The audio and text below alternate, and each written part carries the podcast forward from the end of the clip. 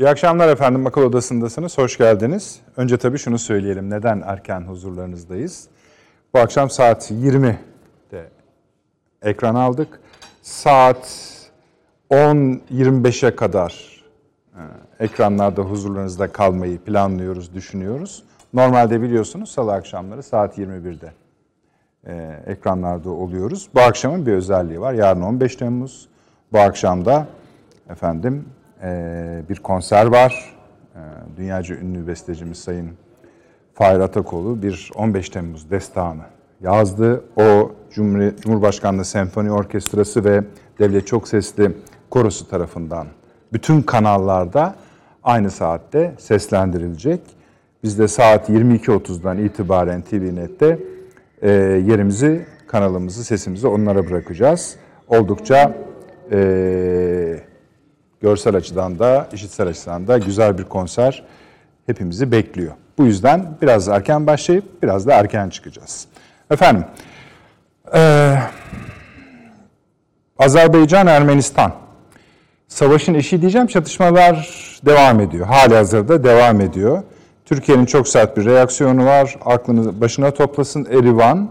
Biz bütün imkanlarımızla Bakü'nün arkasındayız, Azerbaycan'ın arkasındayız dendi. Bunun anlamı şu, yani gerekirse savaşırız da demek.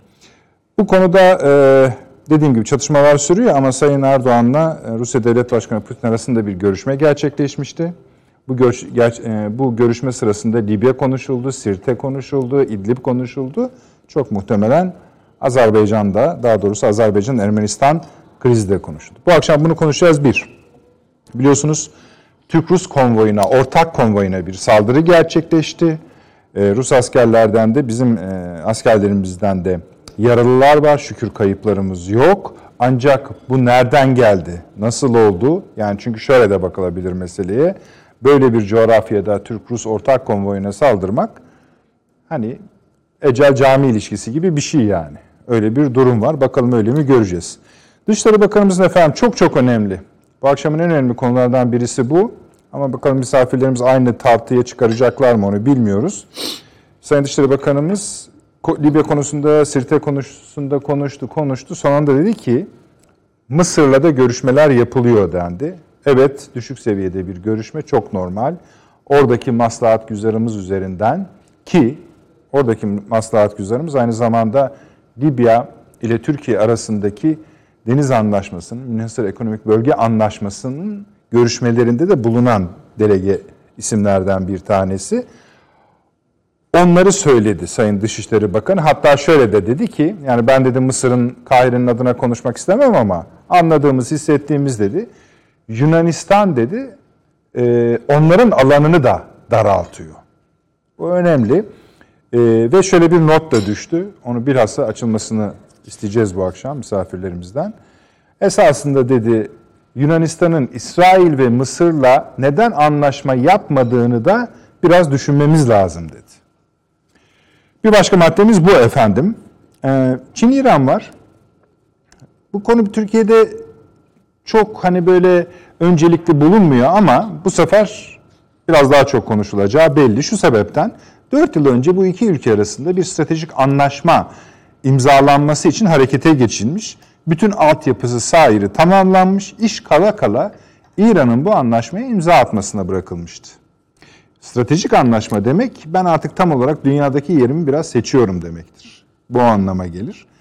Özellikle mevzu bahis ülke İran ise. İran bu anlaşmayı Bakanlar Kurulu'nda tek tek imzaladı ve kabul etti. Böylece Amerika Birleşik Devletleri ve İsrail'in hedefinde olan bir ülke Çin'in nasıl diyelim biraz da korumasına girmiş oldu. Bu başka bir denge demek. Fransa efendim biliyorsunuz NATO'ya bize şikayet etmişlerdi. NATO onlara biraz tersledi. Böyle bir şey yok dedi. Sonra Avrupa Birliği'ne bizi şikayet ettiler. Avrupa Birliği'nde Dışişleri Bakanları toplanmış idi. O toplantıda bize şikayet ettiler. Eh terslenmediyse de Paris fazla da yüz verilmedi. Yüz verilmedi ama Türkiye-Avrupa Birliği ilişkilerine ilişkinde çok gönül açıcı, ferahlatıcı şey söylenmedi. En çok söyledikleri şu, Türkiye ile ilişkilerimizi ABD değerleri ve çıkarlarını uyumlu hale getirmemiz gerekiyor demek. Ki bunun Türkçesi şudur efendim. Şu anda Türkiye bu Avrupa Birliği'nin çıkarlarına ve değerlerine uygun davranmıyor demek. Evet, Ayasofya'mız da var elbette. Etiyopya meselesi de var. Diyeceksiniz ki Etiyopya meselesi ne demek? Etiyopya meselesi efendim su demek. Su dediğiniz zaman Afrika demek, baraj demek. Bu ikisi dediğiniz zaman Mısır demek. Bu anlaşmaların anlaşmazlığa sürüklenmesi işine de zamanımız kalırsa biraz bakacağız. Evet. Sayın Avni Özgür burada. Hoş geldiniz abi. Şimdi seyircilerimize bir haftadır nerede olduğunuzun hesabını vereceksiniz. İki, Sayın Profesör Doktor Süleyman Seyfi Öğün Hocam burada. Hoş geldiniz. Hoş bulduk. İyisiniz inşallah. Ankara'da da Profesör Doktor Taşansı Türker Hocam var. O da şimdiden gülümsüyor. Aynı akıbet benim başıma da gelir mi diye. Çünkü o da hesaplamak zorunda bir haftadır nerede olduğunu. Hocam duyuyorsunuz değil mi? Hoş geldiniz. çok, çok iyi duyuyorum. Çok sağ olun Necdet Bey. Avni abi tabii bütün bu maddeleri saydık ama bizim yarın programımız yok. Onun için 15 Temmuz'dan bahsetmeden ilk madde yani ilk Evet. maddeye geçemeyiz. Ee, ben şöyle bir e, çok kısa bir şey söylemek istiyorum. Ee, geçen Perşembe günü e, ismi tabii 4 saat süren bir briefing oldu. Ee, CNN ismini verelim. CNN Türk'te e, Sayın Mustafa Akış, Cumhurbaşkanı Başdanışmanı bir sunum yaptı. İlk defa ve dedi ki ben burada şu anda ekranlarda görünüyorum ama dedi. Ben sadece dedi anlatıcıyım. Yani bir anlamda sesim. Kimin sesiyim? Ee, Dışişleri İstihbaratının, İçişleri Bakanlığı İstihbaratının, Milli İstihbarat Teşkilatı'nın, Emniyet Teşkilatı'nın, KOM'un, terörle mücadelenin dedi. 4 saate yakın upuzun, detaylı, zaman zaman hani izlediğiniz zaman yapılmış. Evet. Özünde anlattığı şuydu. Bugüne kadar diyebiliriz ki terör, FETÖ ile Fethullahçı terör örgütüyle mücadele şöyle tarif ediliyordu. Bu adamlar devletin koridorlarına sızmışlar.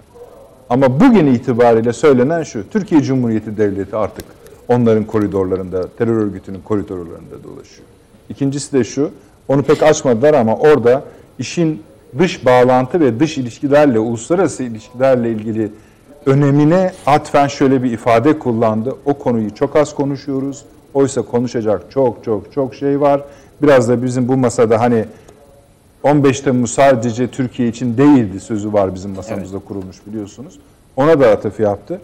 Ama e, ertesi gün mesela ya da daha sonraki gün bu briefing neredeyse yani şunu da rahatlıkla söyleyebiliriz. Hani hükümete yakın ya da Irak fark etmez. Hiçbir basın yayın kuruluşu, kuruluşu tarafından dün sonra tekrar bir yere daha gördüm kendisini. Neredeyse görülmedi. Oysa ilk defa böyle bir sunum yapılıyordu. Yani ne kadar ilerledik bakın görün diye anlatılıyordu. Onu da ben Evet. not düşmüş oldum. İstersen ona değinirsin değinmezsin. Ama ne, böyle 15 tane Söylediğinle başlayayım o zaman. lütfen lütfedersiniz. Bir konuda bir sunumu 4 saat yaptığınız vakit o dağılır. Ama bu kadar anlatılır ha. Öyle yani. Hayır, Peki. bu kadar anlatılmaz. Başka. Yani bir eğer o sunum sadece yoğun yani çok iyi çalışılmış ona ona, hiçbir itirazım yok. Siz izleme fırsatı bul- Evet, ha, evet, buldunuz. Evet. Hiçbir itirazım yok. Fevkalade güzel hazırlanmış. falan. Hakimdi. Ama hakim elbette. Ve birçok kurum ona katkıda bulunmuş zaten. Kendisi de ifade ediyor zaten. Tabii hakkında öyle bir şey yapmayın. Ee, dolayısıyla e, bunun e, ancak konsantre edilmesi ve bir komprime bir halde yani hap haline getirilmiş şekilde kamuoyunun önüne konması gerekir. Koyulmadığı vakit bizim gazeteci bile seyretmiyor ya artık. Dinlemiyor, okumuyor. Yani biz iş edindiğimiz için tabii bir de devletin sesiydi Tabii. o, o gün. Doğru söylüyorsunuz. Bu e, acaba bizim devlet ne diyor diyerek merak ederek dinledik. Ama yoksa e, Türk basını o gün muhtemeldir. Yani bunu işin şakası belki ama Survivor'da kim finale kalacak filan yani onları konuşuyordu yani gibi. Şimdi işin bir tarafı bu. Diğer tarafı tabii yine şehitlerimiz var. Azerbaycan'da da şehitlerimiz Tabii. var. Orada da son şeyleri Allah rahmet eylesin diyoruz. tabii. Sel felaketi var. Yani e, bu seneye girdi girerken bu astrologlar bu sene kötü geçecek diyorlardı. Hakikaten yani biri bitiyor biri başlıyor. Demek ki doğru söylüyorlar diyorsun. Şimdi şakası tabii ama yani Şeyi söyleyeyim mi abi? Azerbaycan resmi açıklaması 7 Azeri kardeşimiz birisi general. ve albay da var. Albayda. E, Hayatını kaybetmiş. Ermeni Ermenistan tarafından da yüzün, Mesele- yüzün üzerinde. Şimdi Ermenilerin çok ağır- fazla kaybı var. Ee, ama şunu unutmamak lazım. Bildiğimiz Ermenistan'ın bizi de arkasında durduğumuz Azerbaycan'a saldırmak gibi bir cesareti olamaz. Evet, 15 Temmuz'dan ayrılmayın onu konuşalım. Hayır hayır konuşacağız ama yani bunu söylemek durumundayız. Tabii tabii. Yani hiçbir şekilde cesareti olamaz. Ermenistan'a yürü diyen vardır. O yürü diyen de patronudur. Yani o patron nerede? İşte Moskova'da oturuyor. Sen vur Ermenistan'a diyor. Çünkü Libya'da benim canımı yakıyor bu. Türkler diyor. Yani sen Azerbaycan'a vurunca onlar da homurdanacak. Onlar da iğnenin kime batmak, batırılmak istendiğinin farkına varacaklar diyor. Çok açık yani. Göstere göstere yapıyor, oynuyor Rusya oyunlarını. Ve hatta göstere göstere oynamasa bile biz artık anlıyoruz yani. Ha, bu, bu iş burada. Bunun faturası geliyor önümüze diye. Ha. Yoksa Ermenistan'a kalsa Ermenistan neredeyse ya yaptık ama kusura bakmayın diyebilir durumda. Çünkü çok berbat vaziyette. Bu sene koronadan dolayı ne çay ne fındık toplama işine gelemediler. Yani birçok Ermeni aç kaldı bu yüzden. Her sene 40 bin Ermeni Türkiye'ye geliyor ve 3 kuruş 5 kuruş ekmek parası kazanıyorlardı. İşin bir tarafı bu. Şimdi 15 Temmuz'a gelelim. Ee, bugün hala artçı sarsıntılarını yaşadığımız bir darbe girişimi. Ee, yapılan bir hesaba göre 350 milyar dolar Maliyeti. maliyeti var. Kalkışmanın. Ee, ve Türk devleti bu beladan bu belayı def etmiş gibi gözüküyor. Bunu biraz böyle ihtiyatlı gibi söyledim. Sebebi şu. Hala bir takım unsurlar var ve hala tutuklamalar oluyor. Şu oluyor, bu oluyor. Yani e, ve hala muazzaf bir takım görevliler e, içeri alınıyor, sorgulanıyor ya da onlarla ilgili bir takım bilgiler çıkıyor. Hala dünyanın değişik yerlerinde bir takım hani ismini de şeye gerek yok. Almanya gibi ülkeler hala bunları korumanın, kollamanın, beslemenin derdindeler çabasındalar yani bu, bu böyle görüne görüne.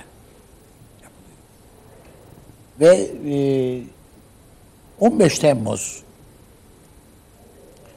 az önce o rapordan, o sunumdan da söz ettik. Bu sadece bir Türkiye projesi değil. Bütün bölgeyi tanzim projesi. Hatta bütün İslam dünyasını tanzim projesi. Yani Türkiye eğer bu darbe girişimi başarılı olsaydı herhalde o küre koalisyonunun bir parçasıydı.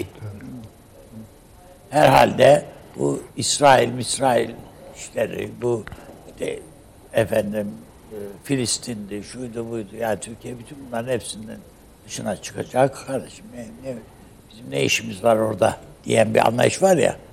Yani Irak'ta ne arıyoruz, Suriye'de ne arıyoruz? Bırakalım Suriyeliler huzur içinde ölsünler filan gibi yaklaşımlar var. E bu, bu, bu Türkiye bunu var. Zaten böyle kendilerine göre böyle bir kılıf da buldular. Yani yurtta sulh, cihanda sulh komitesi diye. Böyle halbuki yani Şimdi ha, hemen bunu söyleyince şey yapmayalım yani Atatürk bu lafı etti. Bir ay sonra da Hatay'ı aldı. Yani o başka iş, bu, bu başka iş. Yani. Ee, Siz mesela dördüncü yılında e, terörle, FETÖ'yle mücadelede nerede olduğumuzu düşünüyorsunuz? iyi bir yerdeyiz.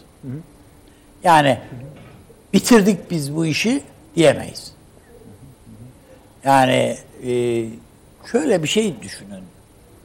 Bir ülkenin ordusu ele geçirilmiş. Açık. Yargısı ele geçirilmiş. Polisi, güvenlik birimleri ele geçirilmiş. Ee, yani diyelim ki X kamu kurumu, işte tapu dairesi olsun, bilmem nesi olsun. Nerede personel alınacaksa sen önce oraya müracaat ediyorsun. Onlar sana sana veriyorlar soruları, cevapları. Mülakatları da biz yapacağız diyorlar. Tamam kardeşim. Bu devletin bütün kurumlarına ulaşılmış. Siz e, belki o kadar şey yapmadınız. Türkiye'nin ünlü bir takım sanatçıları diyorlar ki sen şu şiiri besteler misin? Bestelettiriyorlar. Büyük para veriyorlar yani. Sanatçı dediğinde yani parayla yaşıyor yani. Bir yerden gelir elde edecek, yaşayacak. Olur diyor ve besteler yapılıyor böyle filan. Dolayısıyla öyle bir halka da oluşturuluyor. Bu işin medyası var, bu işin görseli var. Çok ciddi büyük paralar söz konusu. Yani e, elime değdi değmedi diye bir şey yok. Yani bu e, şey gibi e, öyle virüs gibi falan değil. Yani bu, bu hapşurdum bir de hepsi, hepsine dağılıyor işte böyle. Şakır şukur.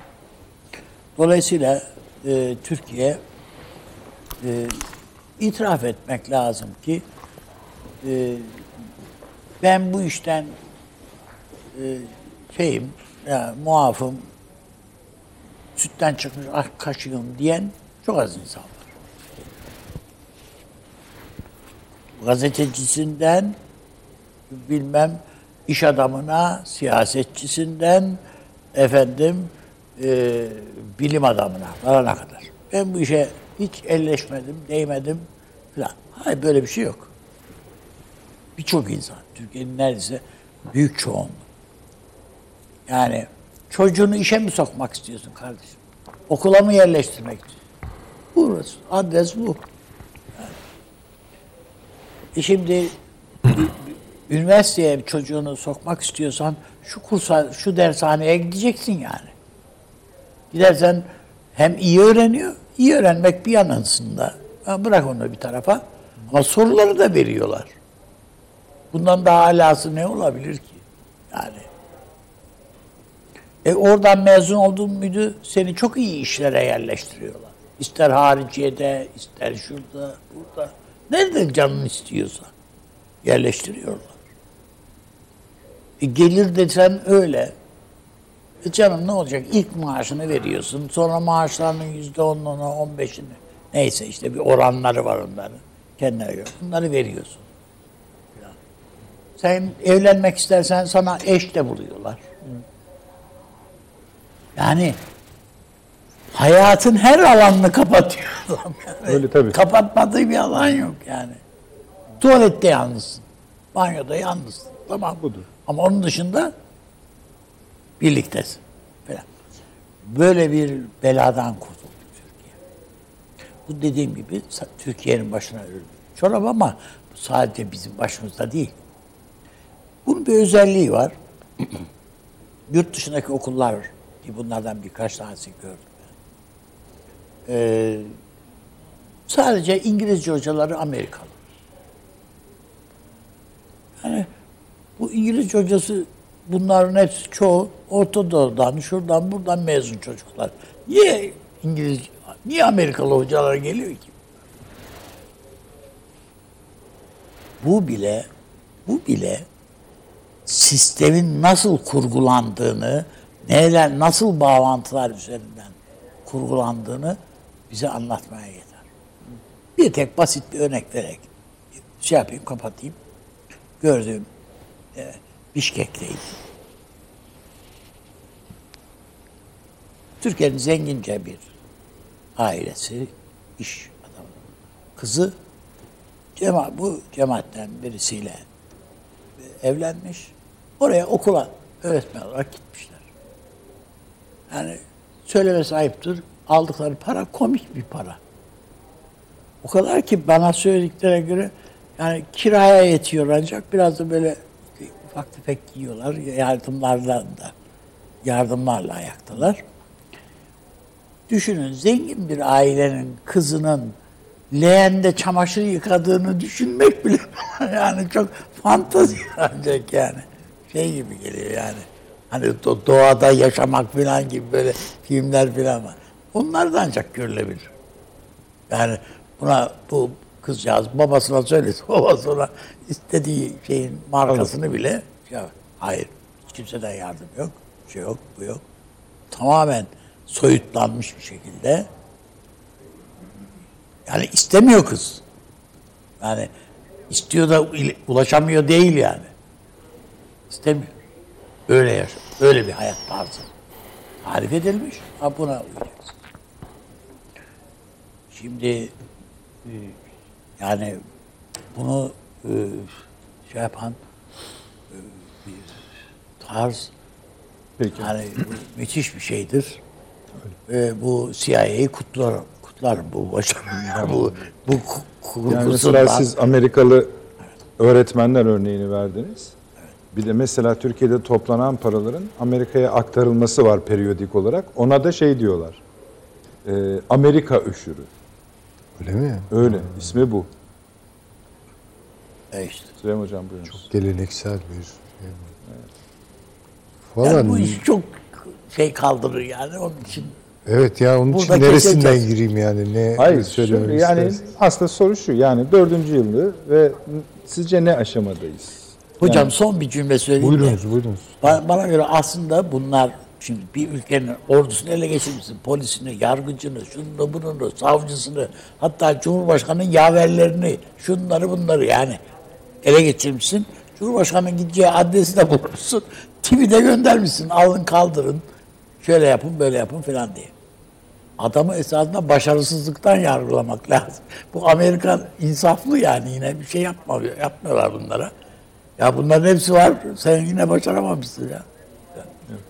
Şeyde de yani esasında bizim için Türkiye için bir travmaydı tabii ki bu. Ama Evet. e, örgütün kuruluş süresine çünkü kimilerine göre 40-50 yıl, kimilerine göre daha da fazla bir sürede oluşmuş bir şey bu. O da elinde varını yoğunu harcamış oldu. Yani onların geçirdiği travma çok daha büyük bir travma esasında. Çünkü e, artık bir daha asla bunu tekrarlayacak güce ulaşamayacaktır. Eğer Türkiye gerçekten bunu üzerine gidip temizleyebilirse, temizlerse.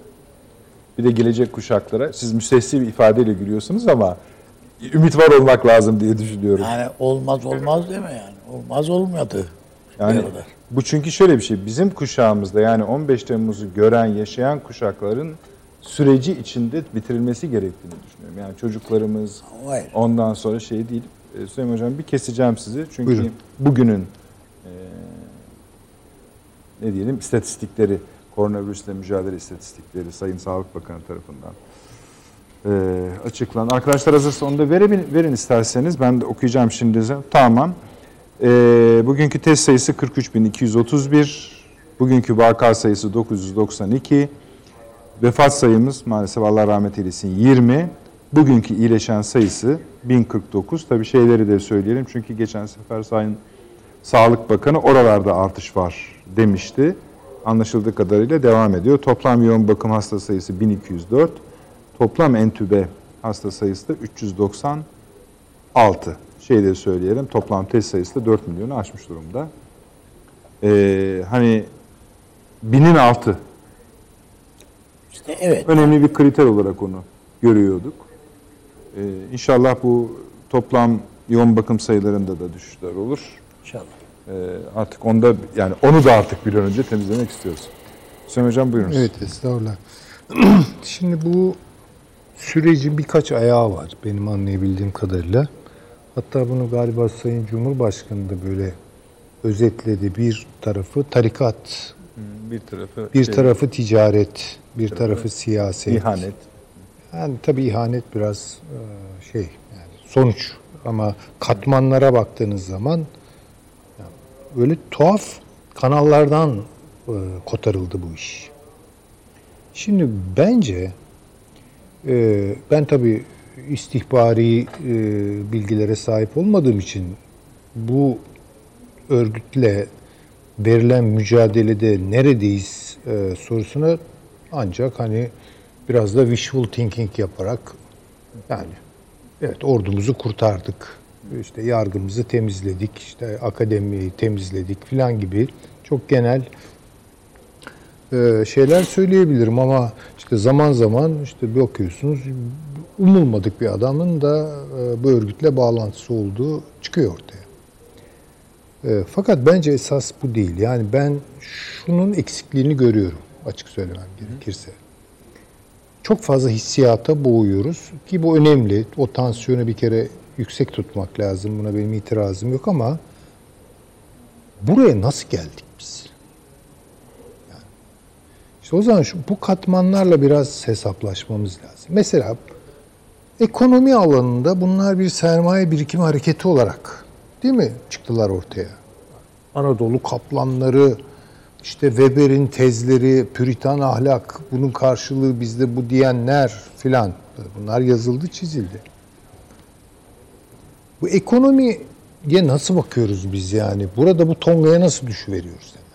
Yani her iktisaden başarılı olan girişim kendi başına e, yani dokunulmaz bir şey midir? Sorgulanması gereken bir şey midir? Yani biraz buna bence bakmak lazım. Bu bizim sızdıkları yer yani söylüyorum ekonomi alanı ve ekonomizm denilen bir hastalığa kimse kusura bakmasın özel döneminden beri yakalandık ve muzdaribiz.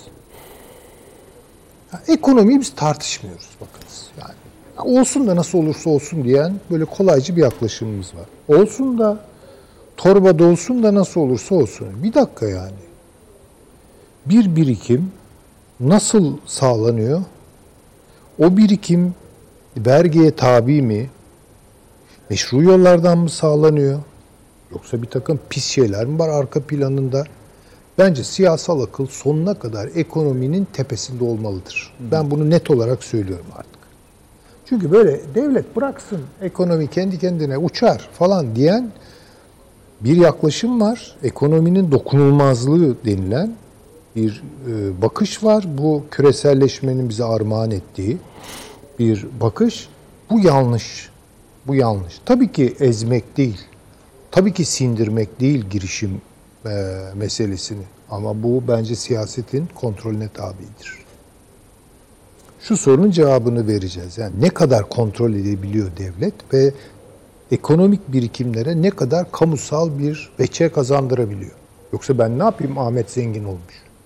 Yani şimdi bununla mı övüneyim? Yani başkasının başarılarıyla e, e, nasıl olduğu belli olmayan bir takım e, başarılarıyla bu başarıya hiçbir şekilde dahil olmayan hatta bu yüzden belki kaybetmiş çok sayıda insanın davul zurna çalmasını beklememek lazım. Ama bu isteniyor. Böyle bir şey olmaz.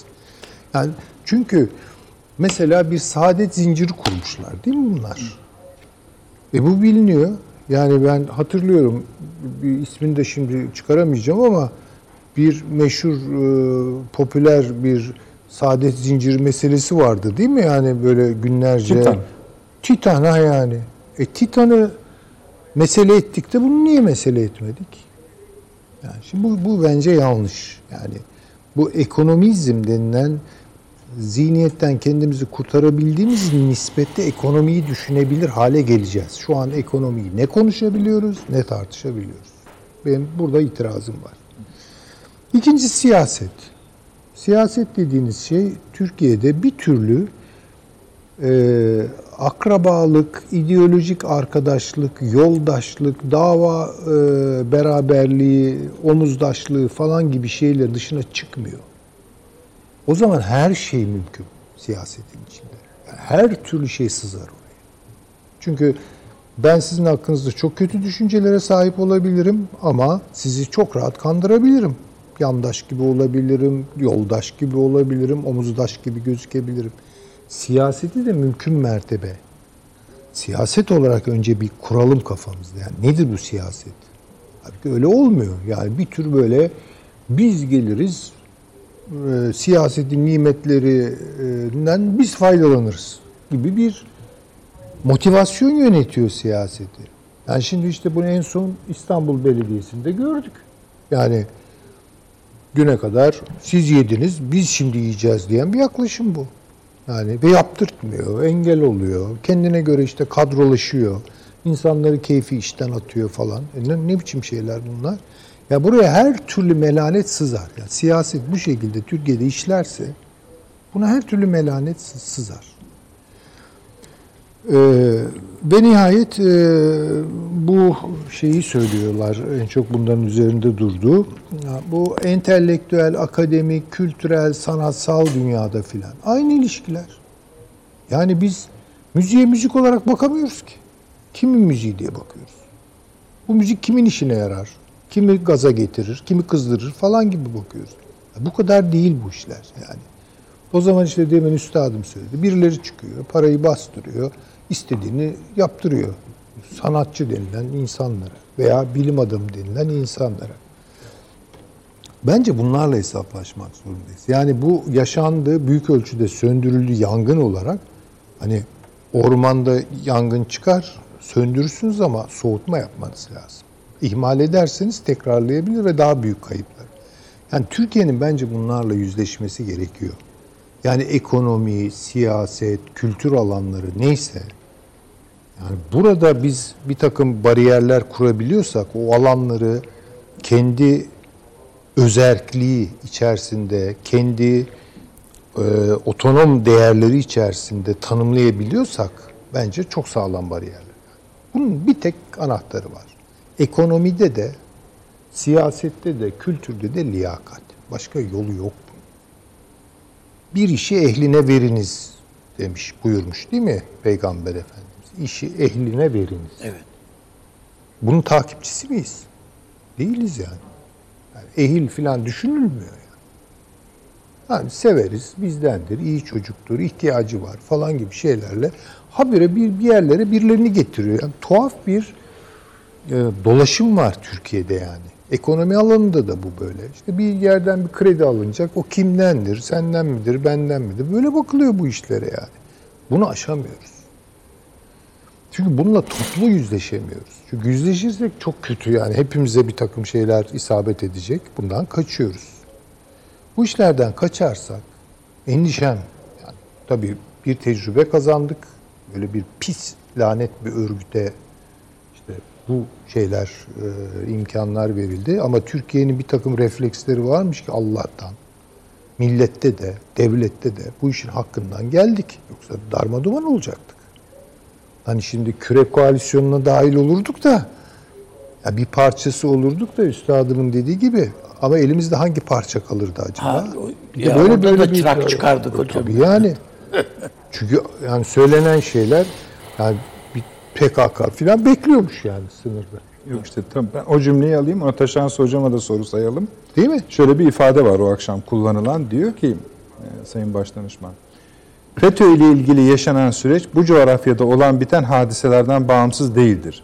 Bunun üzerine söylememiz gereken çok şey var. Darbeden kısa süre sonra Türkiye, Irak'ta yaşanan, Suriye'de yaşanan hadiselerin kendi ülkesinde yaşanmaması için travma geçirmiş ordusuyla sınırların dışında bir savunma hattı kurdu ve buradaki jeopolitik dengeleri değiştirdi. Bu bahsettiği zaman bir ay içindedir. Tabii ki. Yani e, 15 Temmuz, 20 küsür Ağustos Çünkü anlaşıldı iş yani. tabii. Anlaşıldı Ve bu iş. da hala küçük parçadır.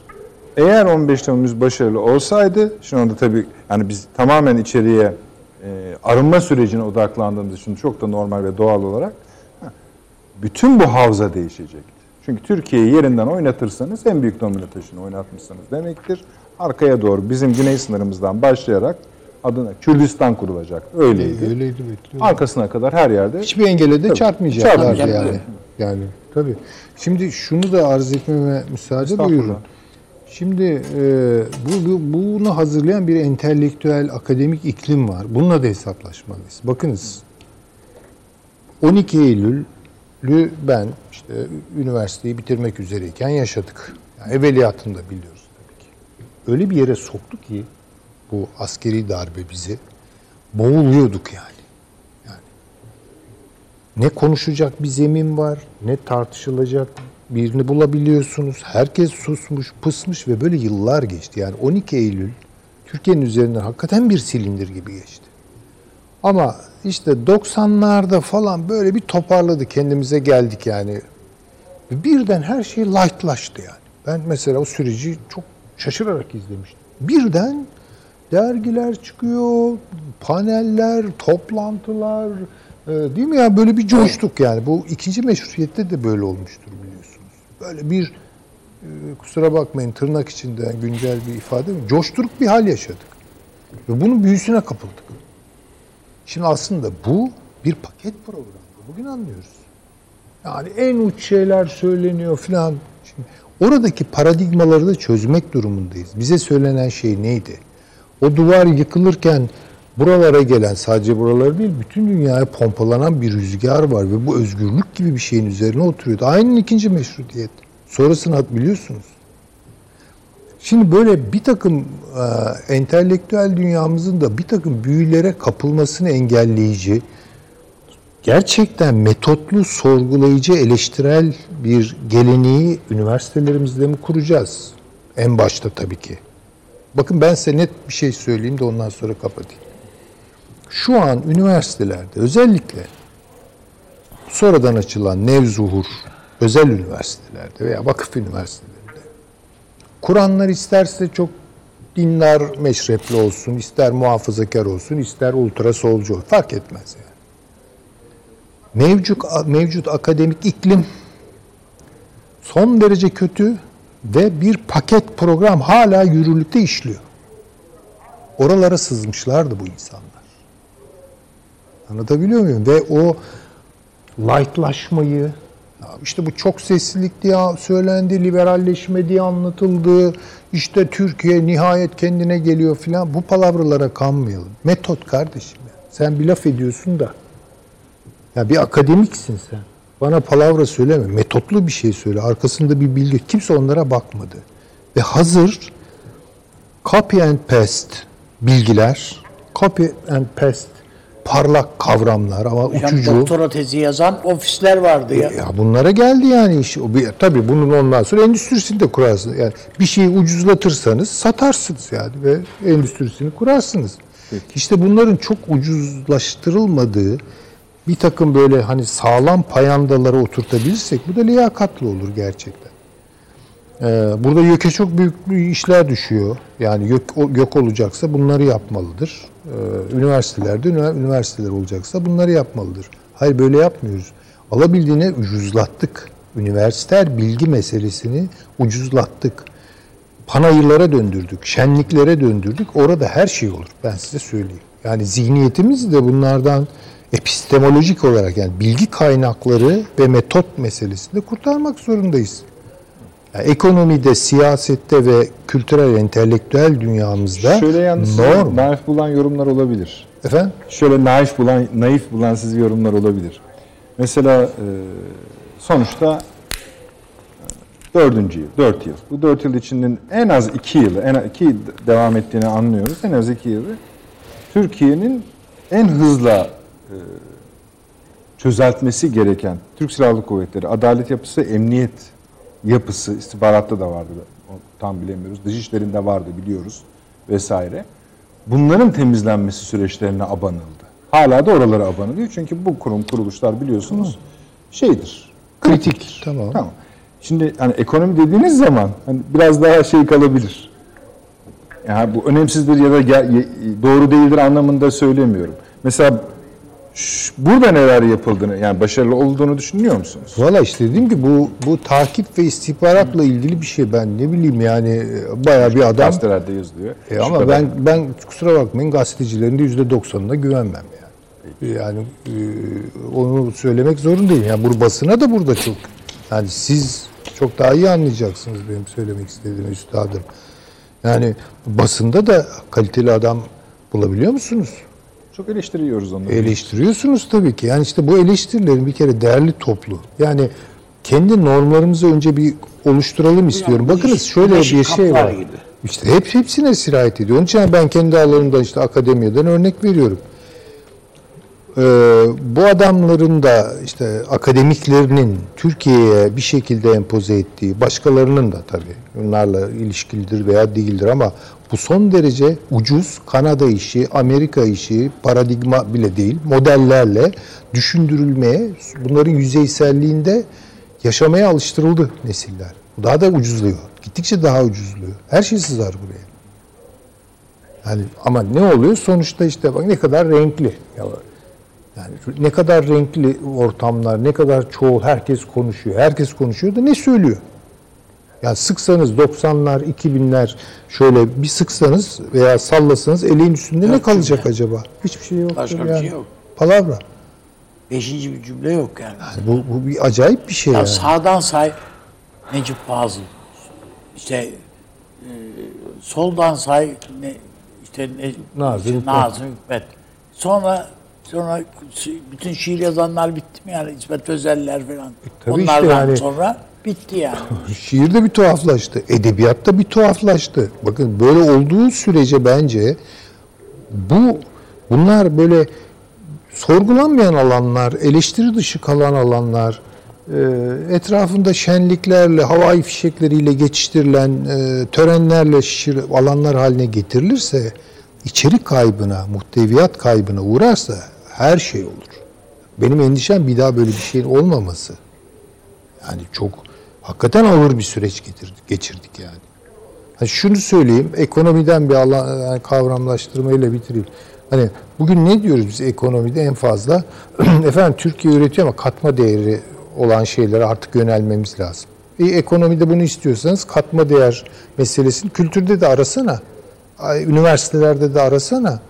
Siyasette de arasana. Medyada da arasana. Medyada da arasana katma değeri olan medyan var mı? Katma değeri olan üniversiten var mı?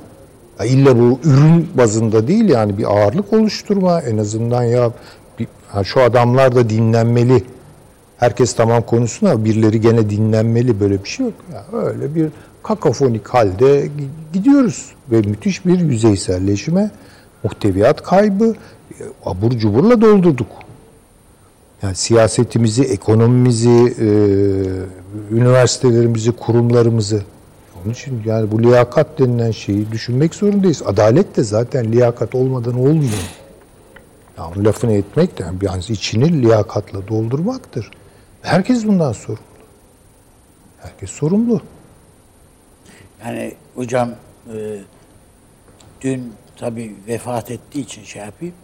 Adalet Ağaoğlu.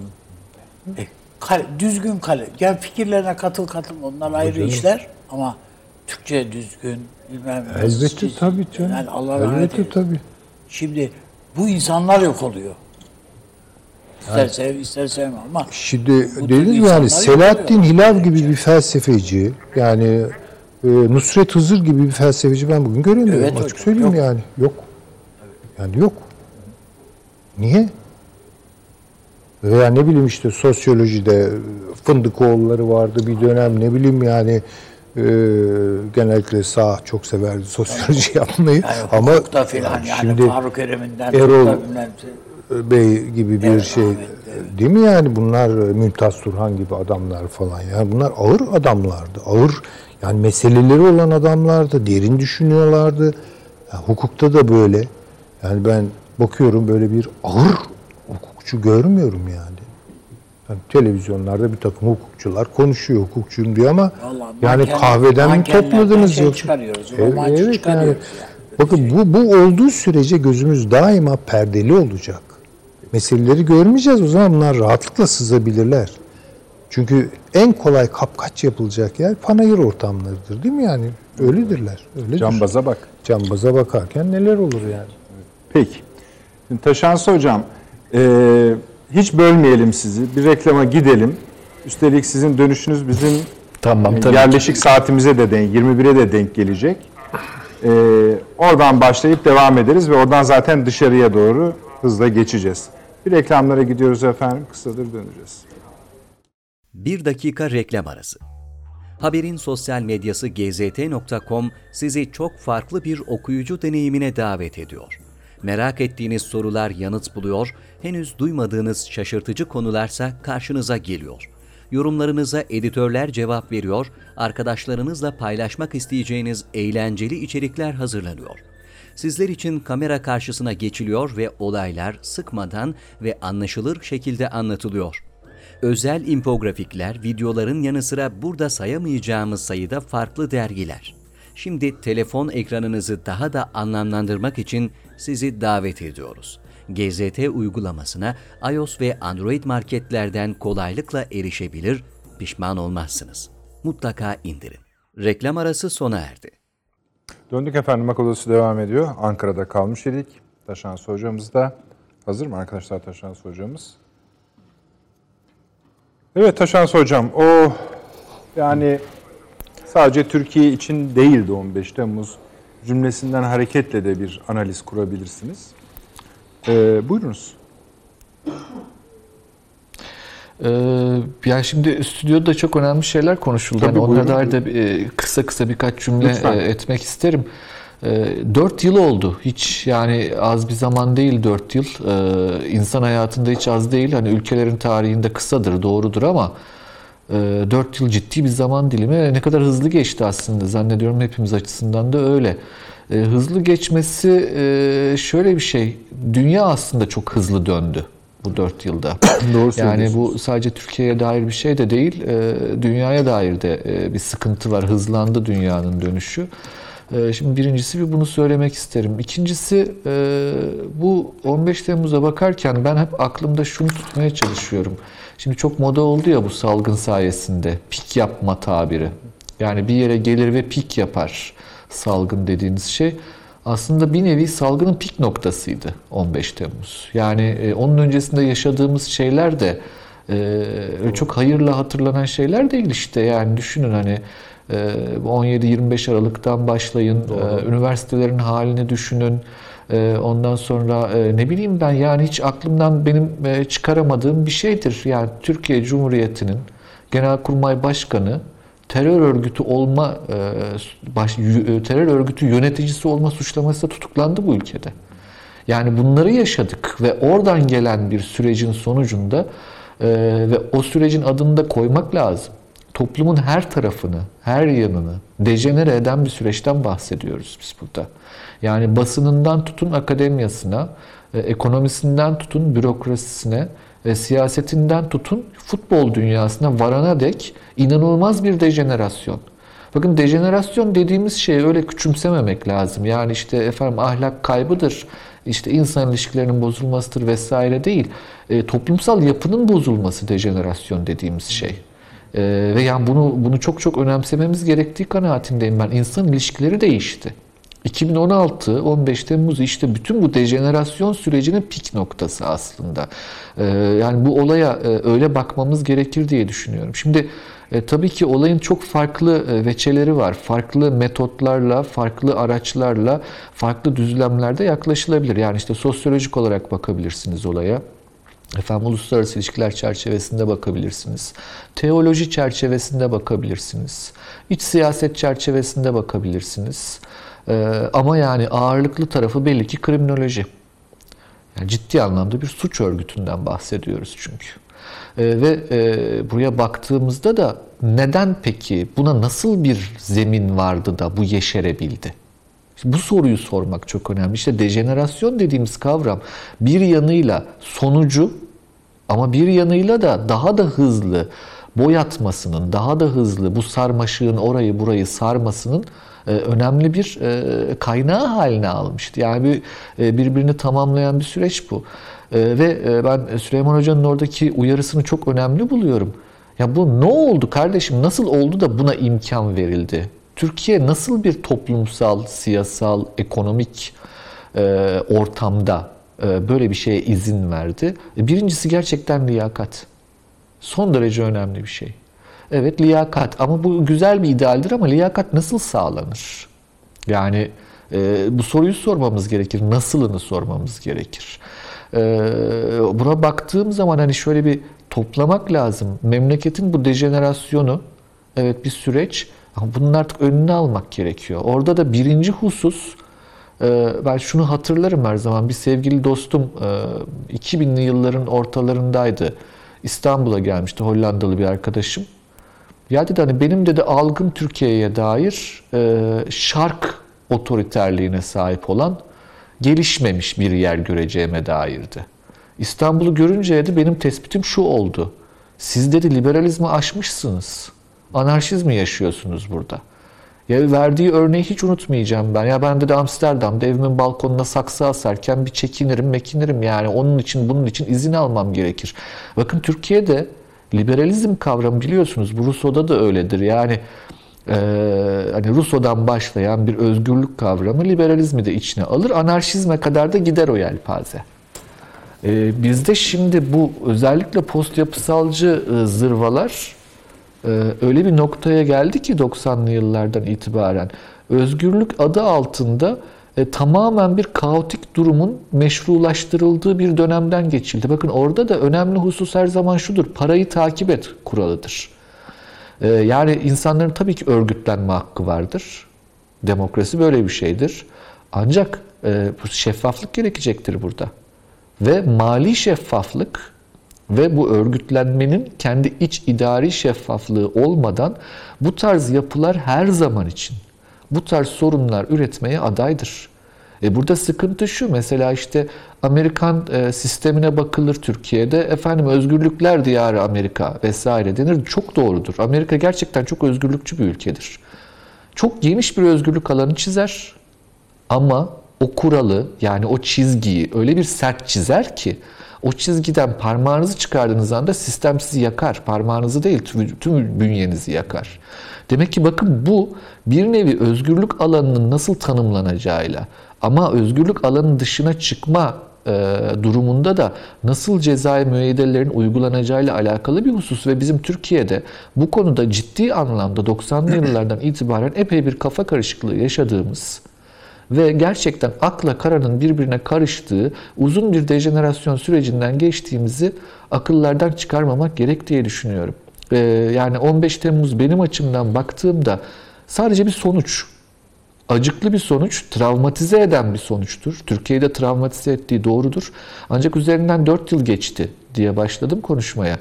Ee, artık e, bizim bir şekilde sebepleri ortaya koymak, ve bunun bir daha tekrar edilmemesi için yani o e, işte liyakati hedefleyen, daha sistemli bir toplumsal yapıyı hedefleyen, ilerleme hedefine odaklanan, Türkiye'nin daha müreffeh bir toplum olması, daha demokratik bir toplum olması ama e, bütün bunlarda da riskleri tespit edebilen, kendisine e, koruma içgüdüsünü yaratabilmek, o antikorları yaratabilecek bir toplumsal yapıyı tartışması gerekir Türkiye'nin. Ve toplumsal yapı dedim kusura bakmayın, yani siyaset, siyasal yapıyı da içerir bu.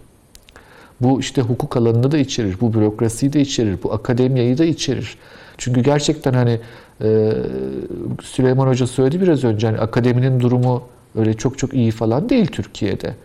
E çünkü bir seçme kavramını yitirdi Türkiye. Neden yitirdi diye soracak olursanız çok basit. Yani Anlar, bilmem kim bilmem kimin hemşehrisi olduğu e, için daha çok dinlenir olabiliyor. sıraya düştük. Süleyman Hoca ile Taşarsı Hoca. Bu Bileşik kaplar. peki. Aynı şeyler. E, Yani öyle öyle. Yani şöyle e, bu hemşehricilik e, bir şekilde var Türkiye'de. E, bu hani akademide böyle de e, efendim diğer yerlerde basında nasıl mesela ben e, hiç kusura bakmayın yani e, sizin meslek grubunuz hakkında da hiç e, olumlu düşüncelere sahip değilim Türkiye'de. E, ciddi anlamda e, hocam, eksik yani gittiğini görebiliyoruz yani. Devam edin hocam. Yani şöyle, e, bu e, demek ki toplam kalite diye bir kavram var ya, E, Bu böyle bir şey. Yani toplumun bir kesimi diğerlerinden istisna olmuyor. Yani bu bir şekilde toplum beraber hareket ediyor. E, Ancak burada önemli olan e, dediğim gibi hani bu e, dejenerasyonun artık bir şekilde önüne geçilmesi. Ya özgürlükler çok güzel şeyler. Bunları istememek yani akla zarardır. Yani özgürlük istemeyen bir insan ben e, normal bulamam. E, Ancak özgürlükleri iyi tarif etmek, ve bunların siyasi olarak tarif edilmesi, toplumsal olarak tarif edilmesi ve ihtiyaçlar çerçevesinde belirli bir ilerleme e, mevzu budur. E, ve bu anlamda baktığımızda hani 15 Temmuz yani bir kere daha söylemek istiyorum pik yaptığı noktaydı. E peki o pikte biz neyi gördük? Türkiye'nin iç dinamiklerinden ziyade aslında dış dinamiklerin de çok etkili olduğunu tespit edebildik o pik noktasında. Yani siz kısmen bahsettiniz biraz önce. İşte sınırda e, şeyler nedir onun adı? Hareketlenmeler. Şimdi Hocam sınırlarının tehlike altına girdiği. Şöyle Estağfurullah buyurunuz. e, buradaki dış etkiyi biraz küçümsüyoruz da demek istemiyorum ama ikinci durumda kalıyor. Bunu biraz hani belki ap, apayrı konuşmak lazım ama yani Fethullahçı terör örgütü adı üstünde bir terör örgütüdür. Aynı zamanda da bir istihbarat örgütüdür. Net yani. Bu birden çok yere hizmet etmiş olabilir ama genel olarak yani sadece şunu hatırlamak bizim için kafidir.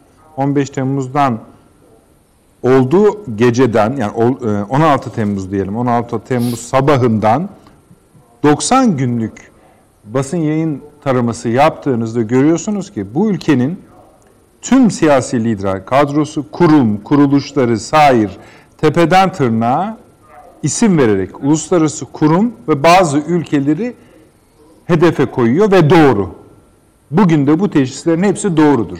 Şimdi bu böyleyse şöyle bir yüzleşme yani 15 Temmuz'un kendisiyle yüzleşmek hafif kalır. Bunun eğer deniyorsa ki 50 60 70 yıllık öyküsü vardır. 40 yani kimine göre 40 50, kimine göre 50 60 diyorlar. Ama nereden baksanız yarım yüzyılı aşan bir öyküdür. Bunun tamamıyla yüzleşmemiz gerekiyor. Bunun tamamıyla yüzleşmek demek biraz Türkiye'nin kendi siyasetiyle de yüzleşmek demektir. O kısım inşallah biz bu Çok doğru. Çok acil doğru. kısmı bitirdikten sonra başlayacak diye ümit ediyoruz. Biz de her türlü katkıyı, desteği vermeye hazırız. Buyurunuz. Valla şöyle söylüyorum Nedret Bey şimdi e, siz kendinizi e, Ankara'ya konumlandırın e, ve dost ve müttefik ülke dediğiniz bir ülkede size hizmet etmeye hazır ondan sonra e, o ülkenin de bir şekilde sahip çıktığı böyle bir yapı olduğunu düşün. Siz kullanmaz mısınız? Şimdi canım, sıkıntı hani- burada. Böyle bu tarz yapılar iz- iz- yani bu tarz yapılar kullanılmaya açık yapılar. Şimdi e, çok güzel söylediniz. İstihbari bir yapı tabii ki. Çok açık. Ve hatta bunun adı artık istihbarat mıdır bilmiyorum. İstihbarat dediğiniz için de belirli bir sınırı vardır. Yani bu e, adamlar yani yargıyı ele geçirmiş, orduyu ele geçirmiş bilmem ne vesaire. E, bu azuz bir şey değil. E şimdi buna baktığınızda e, burada ciddi anlamda gerçekten dünya tarihine geçecek bir olaydan bahsediyoruz. öyle. Biz bu büyük Yani bir olay. Yani herhangi hani bir zamanda dünyanın yaşadığı- herhangi bir yerinde görülmüş değil bu vak. Yani benzerleri görüldü. İşte geçenlerde öldü. İşte Kesnizani vardı mesela Irak'ta e, bir tarikat lideri. E, Yani benzerleri vardır. E, Şansı hocam, O olmaz sadece bir şey Türk yok. Silahlı E, Kuvvetleri'nde çok 40-50 başka bin bir kişiden bahsediliyorsa varsa söyleyin böyle bir örnek. Yani işte şöyle bir şey var. İşte dedim ya Irak, Irak Kesnizani örneği belki bir şey ihtimal ama çok küçük kalır tabii, Tabii, ölçek pardon olarak. hocam. Yani Moon tarikatı diye bir şey kurdular. Yani Güney Kore'ye dediler ki senin dinin ne? Şu bu filan filan filan dediler. Yok biz sana bir tane bulduk dediler. Moon dediler. O nasıl? İşte biz, birisi gelsin sana anlatacak dediler. Gönderdiler. Amerika'nın kendisi için Scientology diye bir din buldular ya. Yani Bu arada son dakika vereyim. icatlar bunlar yani. Son dakika gelişmesi var efendim. Sayın Cumhurbaşkanımız ABD Birleşik Devletleri Başkanı Donald Trump arasında bir telefon görüşmesi gerçekleşti. Çok taze olduğu için detaylarını bilmiyoruz. Ee, geldikçe devam edeceğiz. Buyurunuz Taşansı Hocam. Yavaş yavaş isterseniz dış politikaya geçelim.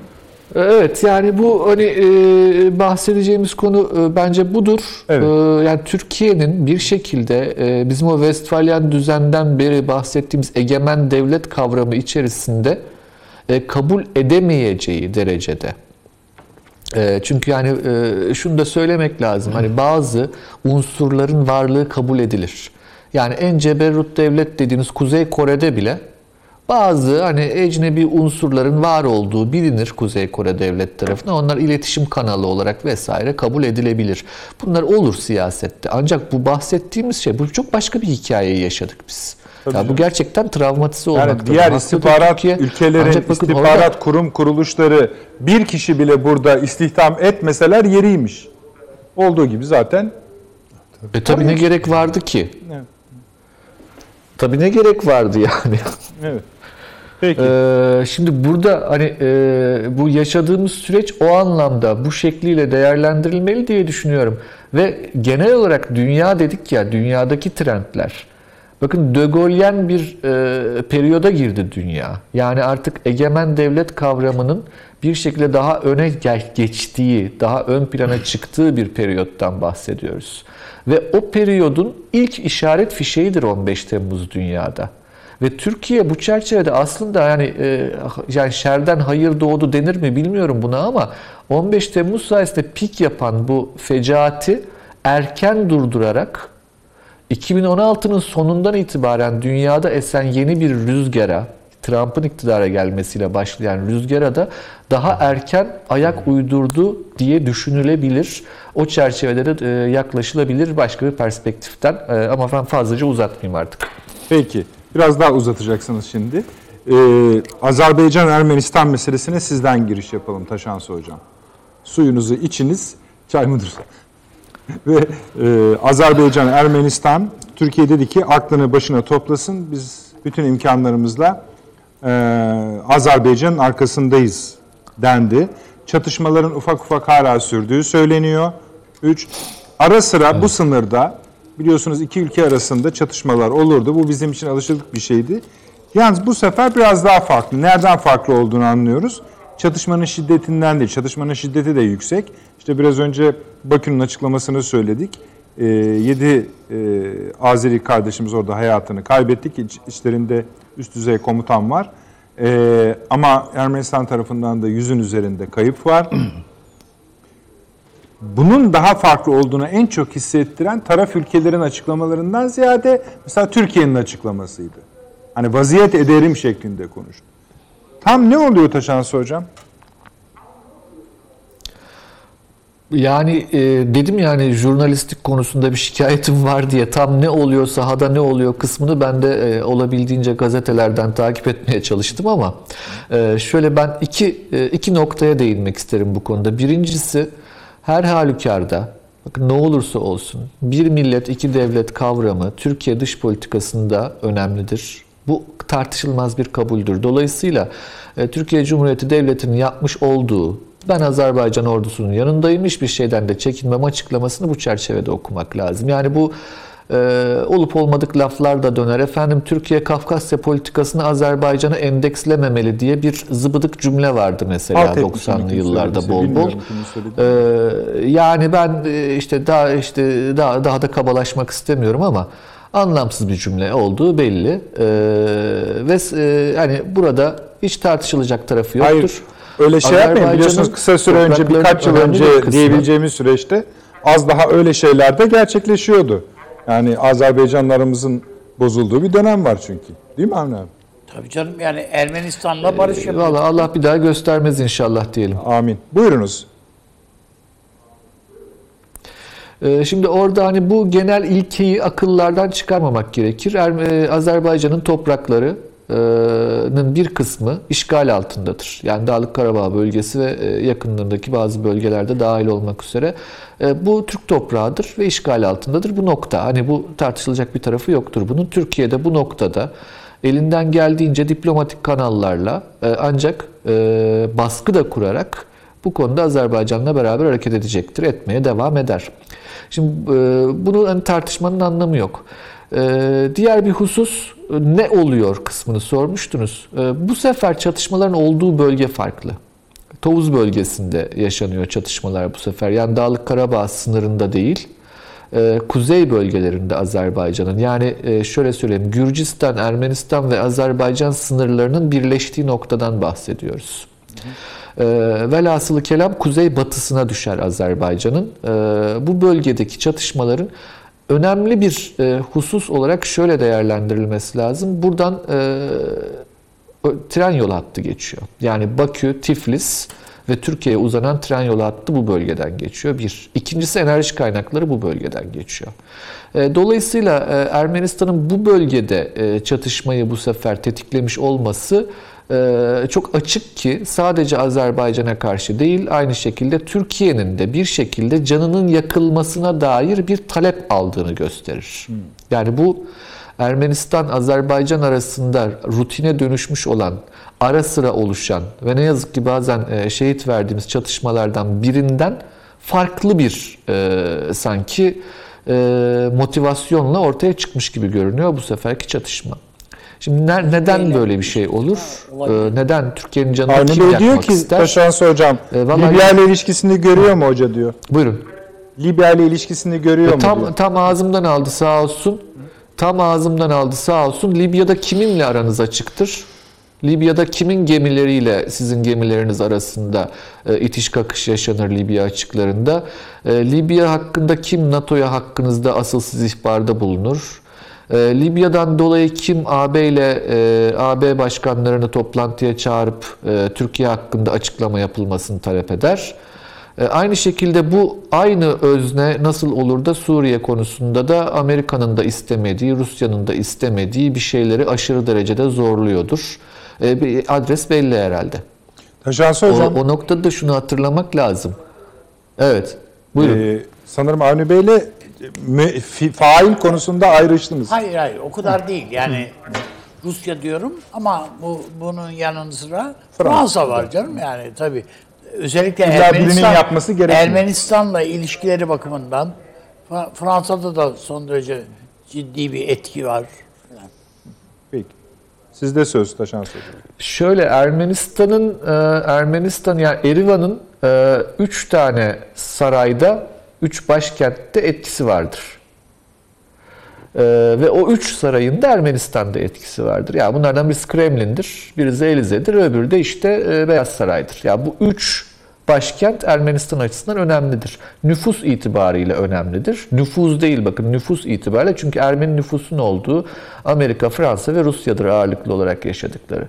Ve e, ben hatırlıyorum mesela Azerbaycan'da bir e, Agit adına seçim gözlemine katıldığımda Fransız bir milletvekilinin e, nasıl e, bir şekilde Agit'i manipüle etmeye çalışıp Azerbaycan aleyhine rapor çıkarmaya çalıştığını ve bizim Türk diplomatlarının nasıl çıldırdığını hatırlıyorum orada o Fransız e, vekille baş etmek için.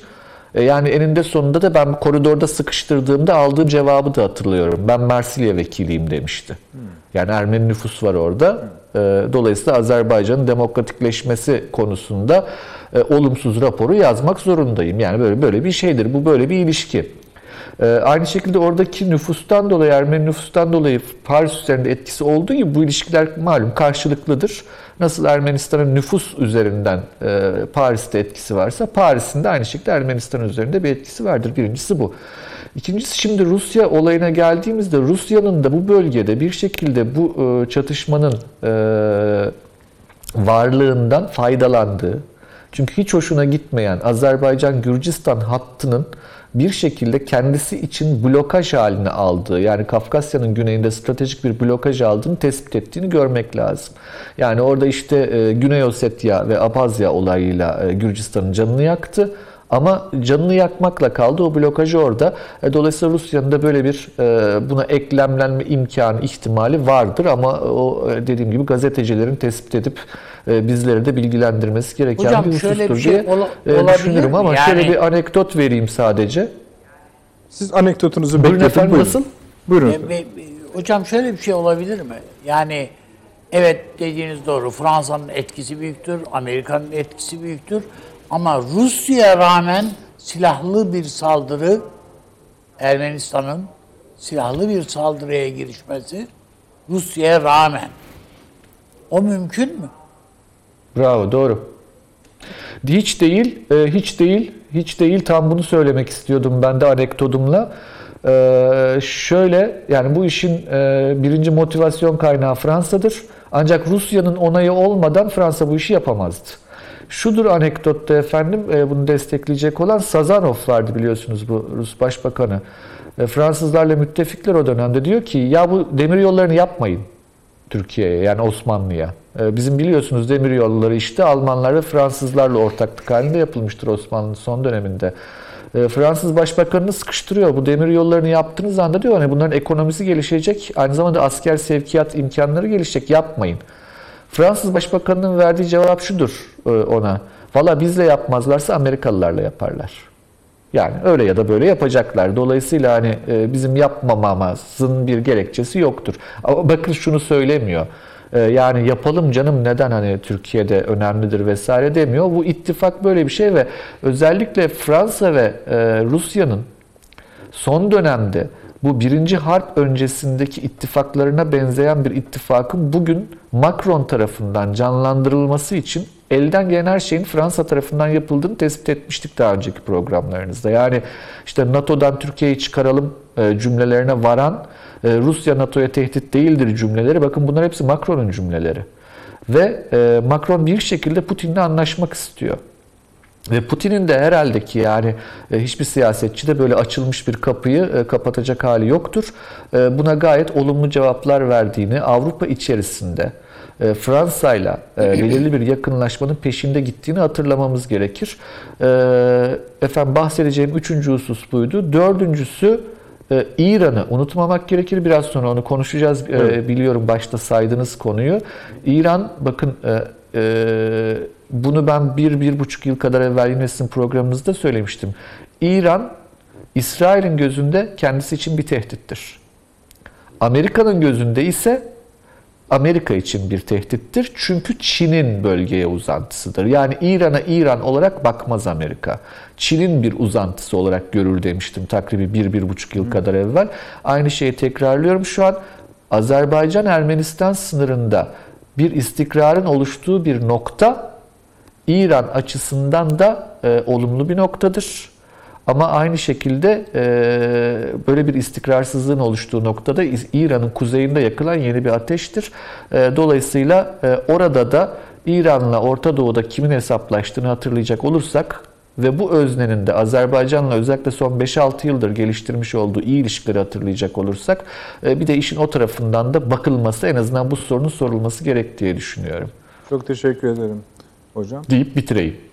Çok Ben mersi. ondan önce hocama bir şey sorayım. Yani daha önceki konuşmasına geçen bölümdeki... Süleyman Hocam. Evet Süleyman Hocama. Şimdi e, bu FETÖ meselesini konuşurken hocam çok doğru açıklamalar, izahlarda bulundu. Bir dönem hatırlıyor musunuz hocam veyahut da hatırlayacaksınızdır. Türkiye'de bir Kalvinizm tartışması başladıydı. Tabii tabii. Ve Weber'in biz, es- biz- ve- ahlak. evet evet Püriten ahlak filan filan. Yani işte kal- hatta bir takım siyasi siyasetçilerimiz Kalvinist olarak Tabii, ünlü bazı gazetecilerimiz, gazetecilerimiz sosyolog gazetecilerimiz. nitelendirildi, tanımlandı. İşte bu FETÖ hareketi de öyle yani işte. Tam çok güzel bir şey. Yani benim de söz söyledim ama biraz üstü kapalı, e, üstadım açtı. Bu ekonomiyi ekonomi gibi konuşmazsak işte bunlar olur.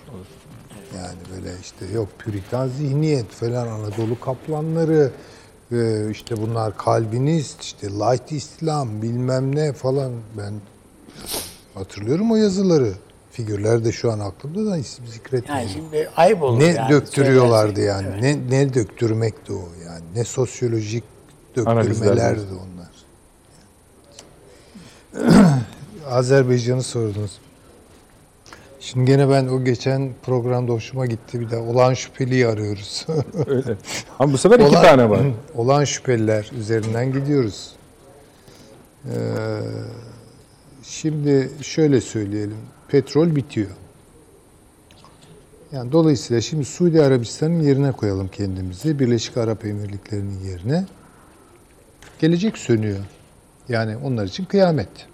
Erken kıyamet. Şimdi bir takım çabaları var bunların. Birleşik Arap Emirlikleri'nin ve Su, Suudilerin.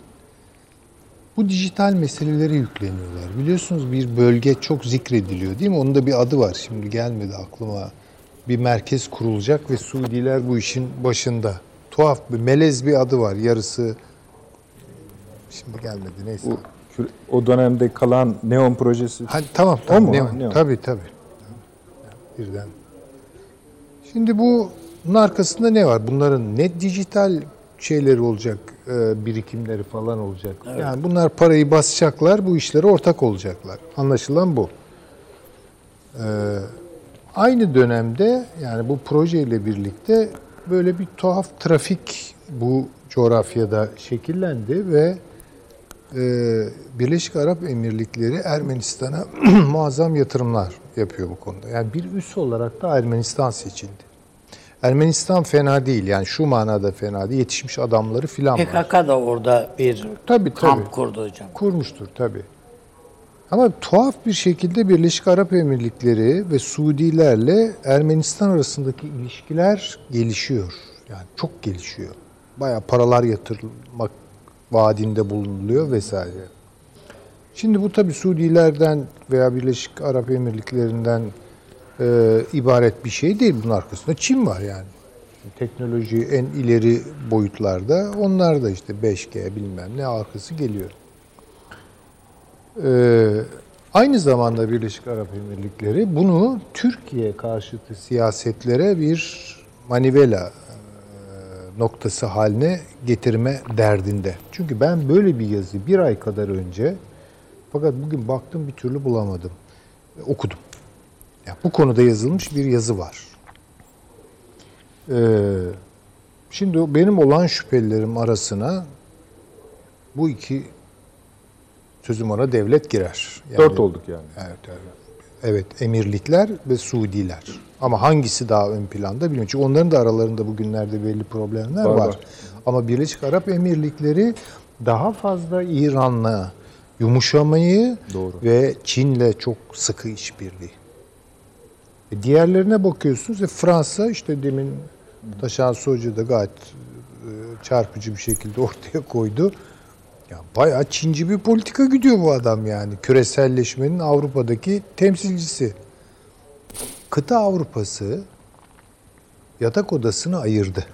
Bunu görelim. NATO'nun içerisinde yatak odasını ayırdı. Atlantik Paktı gerçekten Atlantik. Yani en hardcore karşılığına oturdu. Yani evet İngiltere'de hala belirsiz meseleler var ama İngiliz istihbaratı, entelijans servisleri İngiltere'deki bu bağlamdaki en ateşli konu Huawei meselesi. ve Çünkü onu işte evet. Yani düne kadar böyle ne zaman gelecek Huawei, donatın bizi Huawei ile falan diyen e, İngiltere'de çatlak. O Çin de bastırıyormuş. Toptan reddetmeyin. Yarın öbür gün seçim olur İngiltere'de. İşler değişiverir Tabii, diye. tabii. Ama şimdi entelijans servis son söz söyler yani. Britanya Krallığı'nda yani. Onların hazırladığı raporlar dehşet raporlar ve aman yani İngiltere diye bir şey kalmaz. Hiçbir ent- e, güvenliğimiz falan söz konusu değil. Bütün sırlarımız Geçen Çin'in sef- eline Geçen geçer. sefer sö- söylemiştik yani damat bir şey e, şey bile e, kendi torunu bile kraliçeye Tabii. Bu ara Epstein'in hanımı ele geçti. Şimdi o bir şantaj meselesi. Yani bu saraya dönük bir tarafı var o işin. Prens Andrew, Mandrew. Yani bu hesaplaşmaların içinde kadın konuşursa bakacağız ne nereye gidiyor, hangi adreslere gidiyor. Şimdi demek istediğim şey bu. Kıta Avrupası, Almanya'da öyle, Fransa'da öyle, Çin'e abanıyor. Şimdi Fransa bu işin içinde bu Ermenistan-Azerbaycan meselesinde müdahil midir? Çok muhtemel müdahildir. Söylenenlere tamamen katılıyorum. Ama ismi geçmeyen iki tane ülkeye dikkat edelim.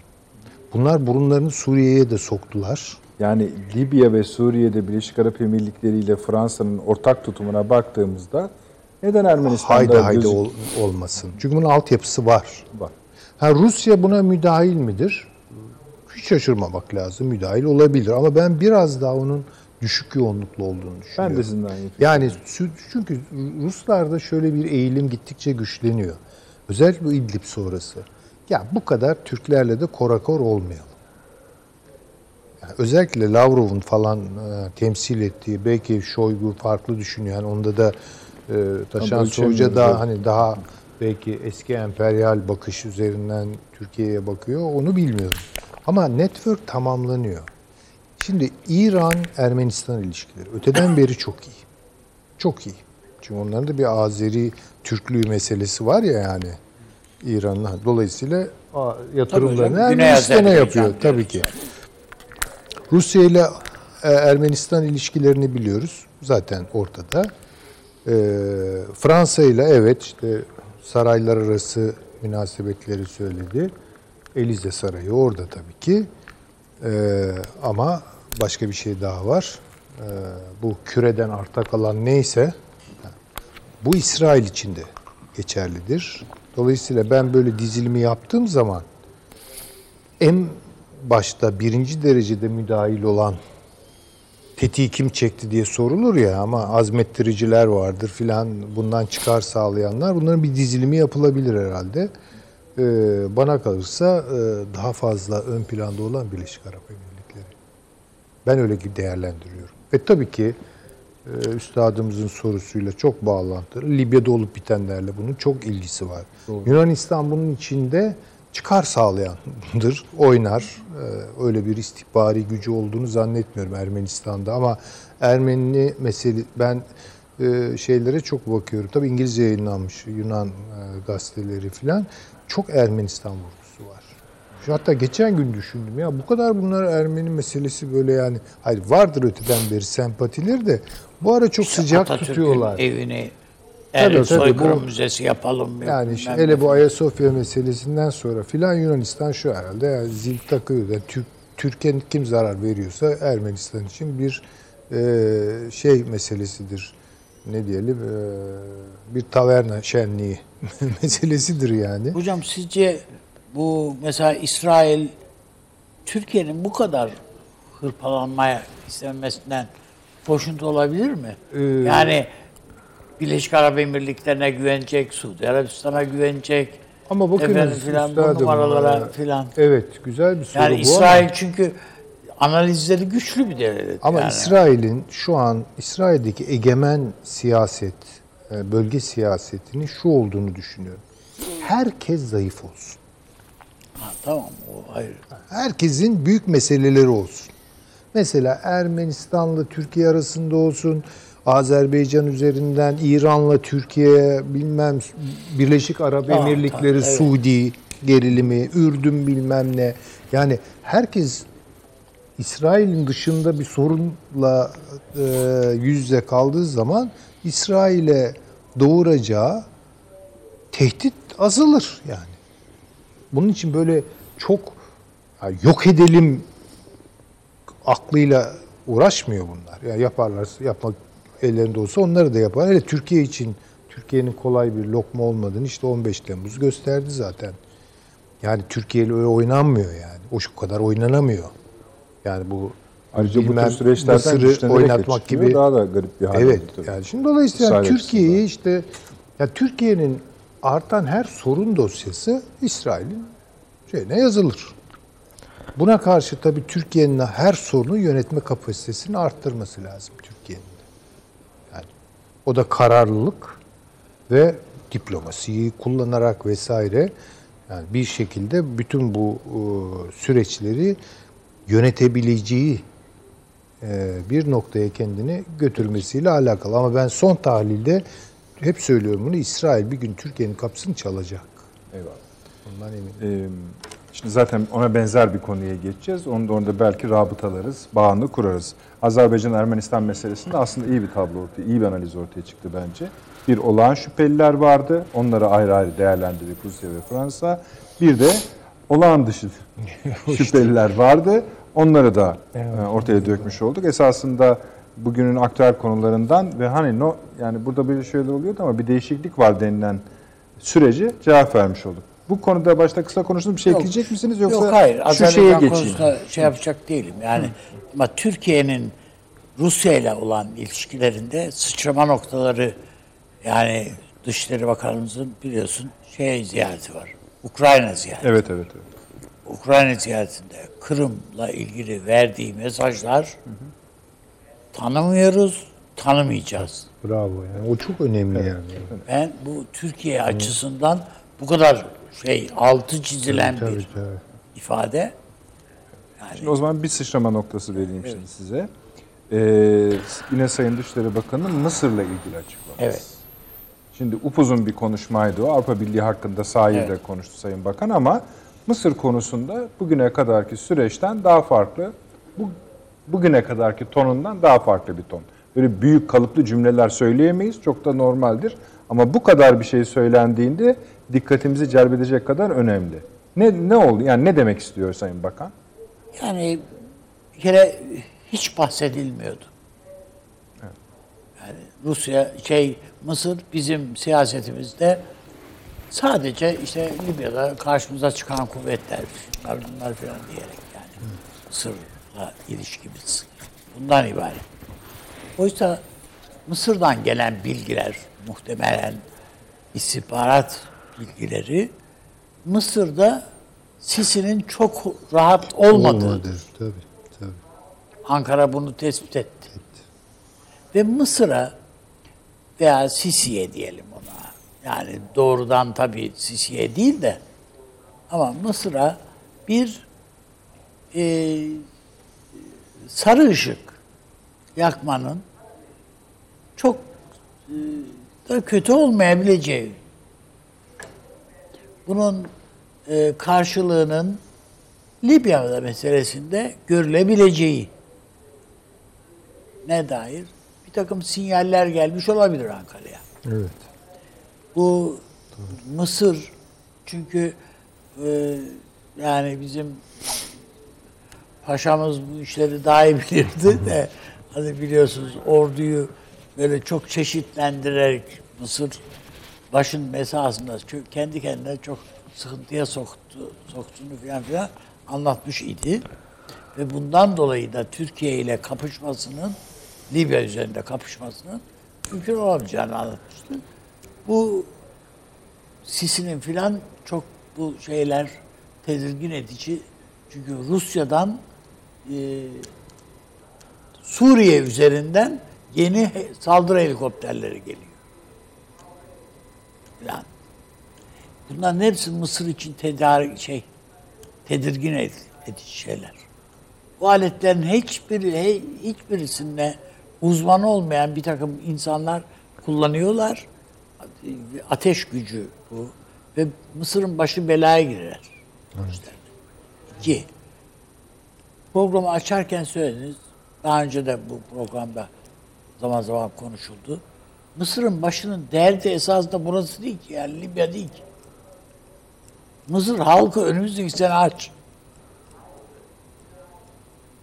Biz ne yapacağız derdindeler insanlar. E Sen biz buradayken sen Mısır hudu, Libya hududunda ne arıyorsun diyorlar.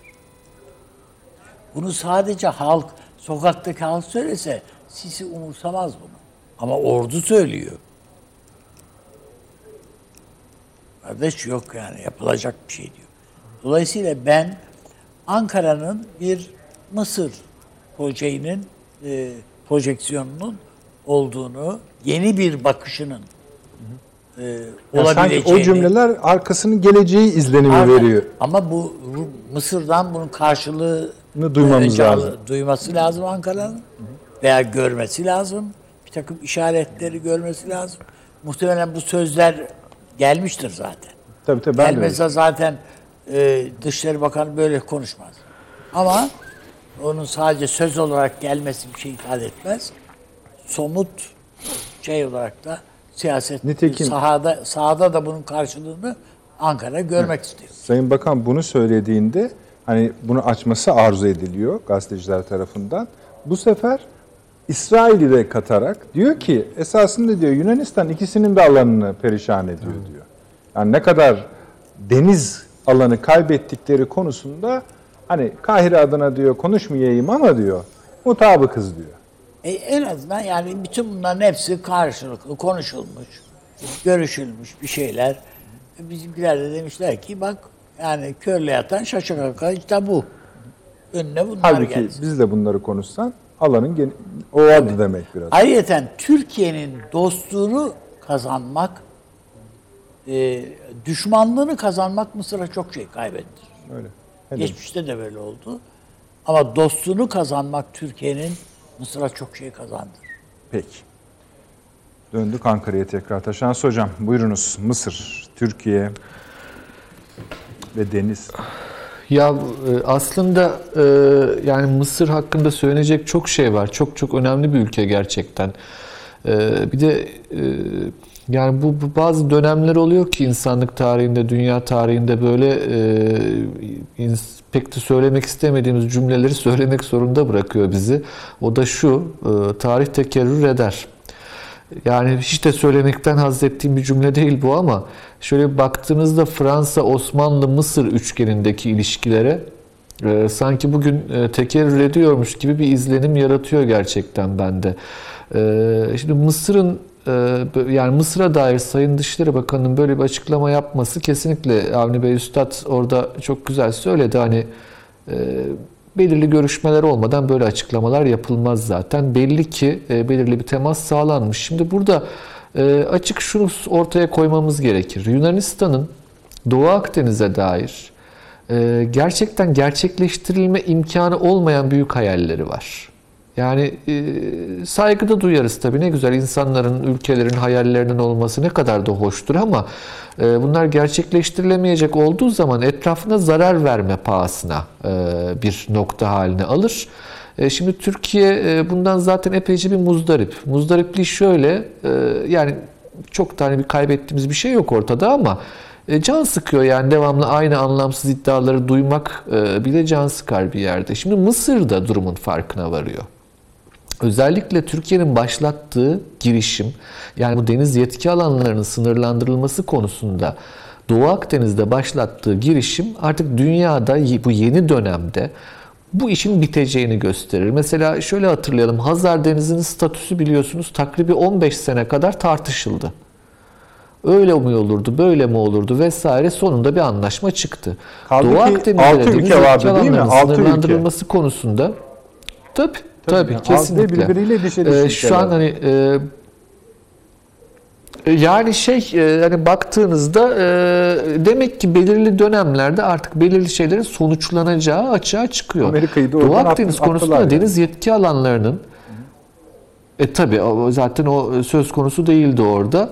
Ee, Doğu Akdeniz konusunda da böyle bir e, yakın dönemde bu işin nihayete ereceği yani kesin sınırların çizileceği e, intibası kıyıdaş ülkelerde oluştu. Şimdi bu oluştuğu zaman Mısır'da e, sonuçta öyle ya da böyle ciddi bir devlet geleneği vardır. Ee, bakınca haritaya şunu görüyor. Yani e, ben bu düşmanlık yani Türkiye'ye gösterdiğim düşmanlıktan dolayı Yunanistan'la işbirliği yapıyorum. E, güzel. Peki sonuçta ne oluyor?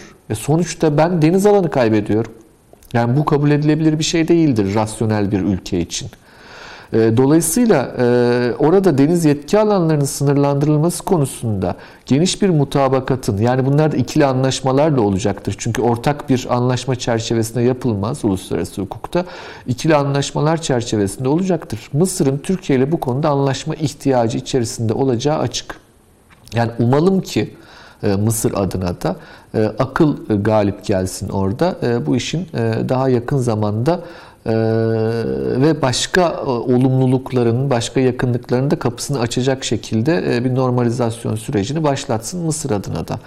E, Bu aynı şekilde şöyle de bakmak lazım. Mısır ve İsrail'i beraber değerlendirdiğimizde belki buradan biraz önceki konuya yani Kafkasya'ya doğru gittiğimizde şunu tespit etmek lazım. Bakın aslında farklı gruplar oluşuyor. Ve bu, bu gruplar farklı bölgelerde, farklı şekillerde tezahür edebilirken bu normaldir aslında ama bugünlerde ne yazık ki gruplar e, farklı bölgelerde de aynı şekilde tezahür etmeye başladı. Buna da bloklaşma diyoruz. Yani bir bloklaşma hali var. Fransa bir blok yaratma derdinde kendisi için. Ve bu Fransız bloğunda Suudi Arabistan'ı görebiliyoruz. Birleşik Arap Emirlikleri'ni görebiliyoruz. Ancak bakın Mısır o bloğun tam olarak içinde midir sorusu cevabı e, bende tam değil şeklinde. Yani Mısır pat diye o bloğun içine düşecek, e, kendisini e, her koşulda bağlayacak bir ülke değil. Diğer bir ülke bakın İsrail aynı şekilde bu blokta değil. Bakın Libya konusunda e, hoşnut olmayabilir Türkiye'nin kazanımlarından. Ancak buna rağmen Türkiye'ye karşı bir harekete girişmediğini de tespit etmemiz gerekir İsrail'in. Daha önce söyleme imkanı bulmuştum. Bu Doğu Akdeniz çalışmalarında her makale şöyle başlar. Doğu Akdeniz'in iki önemli kültür uygarlığı olan Araplar, yani Samiler, Arapları ve Yahudileri içeren şekilde ve Yunanlıların birbirleriyle anlaşmasının imkanı asla olmamıştır. Bakın bu hep böyle başlar bütün makaleler. Bu doğrudur, hakikattir. Şimdi dolayısıyla İsrail ile Yunanistan'ın yan yana gelme ihtimali orta ve uzun vadede yani uzun süreli bir müttefiklik kurma ihtimalleri çok düşüktür. İsrail bunu bilir. Yani bunun pek çok nedeni vardır. Tarihsel kökeni vardır, e, efendim ne bileyim işte kültürel kodları vardır ama çok daha önemlisi stratejik olarak mümkün değildir. Yani şöyle düşünün, e, Lübnan'daki Finikelilerle Yunan koloni devletleri de hiçbir zaman anlaşamazdı. Bu yani stratejik gerekliliktir. Şimdi bunu Kafkasya'ya bağlayacak olursak, bakın orada da Fransa'nın bir şekilde var olduğunu görüyoruz. Rusya'nın bir şekilde izin verdiğini görüyoruz. Çünkü Rusya izin vermeden Ermenistan böyle bir hareketi yapamaz. Doğrudur. Ama Fransa'nın asıl ateşleyici olduğunu görüyoruz. Birleşik Arap Emirlikleri'nin maddi desteği olabilir Ermenistan'a. Ancak İsrail ne tarafta diye baktığınızda İsrail'in Azerbaycan tarafında olduğunu tespit etmemiz gerekir. Ve bunun yani farklı bölgelerde farklı bloklaşmaların bir şekilde farklı bölgelere aktarıldığı bir dönemin içine girdi dünya.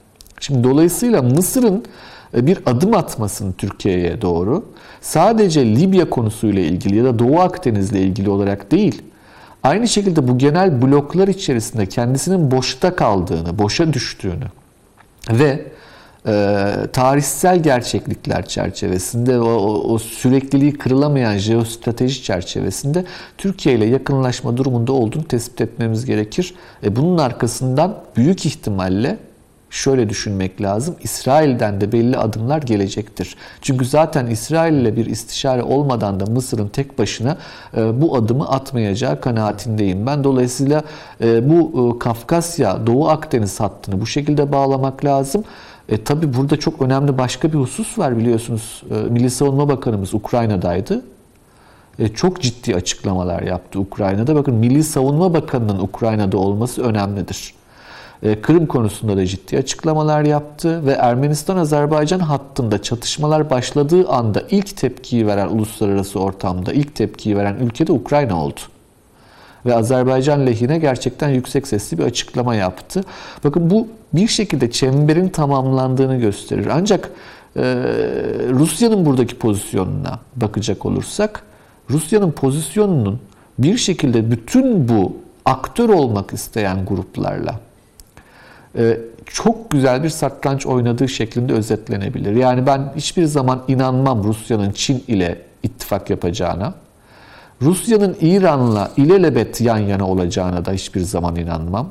Rusya'nın gönlünden geçen aslanın e, her zaman için İngiltere ve Amerika ile ittifak yapmak evet. olduğunu da hep söylüyorum. Ama bugün için e, Çin'le kurduğu ilişkiyi e, çok güzel kullanıyor Amerika ile yakınlaşmak için. Bugün için İran'la kurduğu ilişkiyi çok güzel kullanıyor İsrail'le ve onun üzerinden Amerika ile yakınlaşmak için. Ve bugün için Fransa'nın hırslarını çok güzel yönlendirebildiğini, belirli yerlerde önünü kestiğini, belirli yerlerde destek atabildiğini görüyoruz. Burada bakın akıl gerçekten önemli ve bu öyle bir dönem ki artık bu yeni dönem. Ne yazık ki hani bunu söylememiz gerekir. Gerçekten tam bir istikrarsızlık dönemi. Ve blokların çatladığı, yeniden kurulmaya çalışıldığı bir dönemden bahsediyoruz. böyle dönemler gerçekten bol akıl gerektiren dönemler ve bunu zaten ne yazık ki Türkiye'nin jeostratejik önemi diyoruz ama e, Türkiye yani İsviçre değil. Yani e, etrafında Barış Denizi'nin içerisinde bir adacık değil. E, Türkiye'nin de çok iyi takip ettiğini görüyoruz. Ancak çok değişken, hızla değişen, siyasi kararlar, hızla değişen taraflar ve çatışma risklerinin ortasında yer alan bir coğrafyada olduğumuzda hatırlamak gerekir. Dostları arttırmak, düşmanları azaltmak e, o çerçevede son derece önemli ama bunu da ne olursunuz hani genel bir ilki olarak kabul etmek değil. Sıfır Bazı şey zamanlarda yani. zorlayıcı güç kullanmak da siyasette önemlidir. Ee, deyip e, hani bu hattı e, benim bu çerçeve içerisinde e, yani. Mısır Libya'dan başlayıp e, Kafkasya ve Ukrayna'ya kadar uzattığımızı söyleyeyim. Bir de son e, hattı buyurun. tamamlamak adına şunu söyleyeyim. Bakın Balkanlarda da e, çok çok önemli gelişmeler var. Balkanlarda Rusya, Avrupa Birliği, Avrupa Birliği dediğimiz Almanya'dır Balkanlarda ve Fransa AB Almanya'nın önünü kesiyor şu an. E, Fransa bunu Rusya adına yapıyor Balkanlarda. E, yani aktörler şunlar Rusya var, Almanya var, Fransa Almanya'ya karşı Rusya'nın yanına eklemlenmiş durumda. Türkiye var, Amerika var.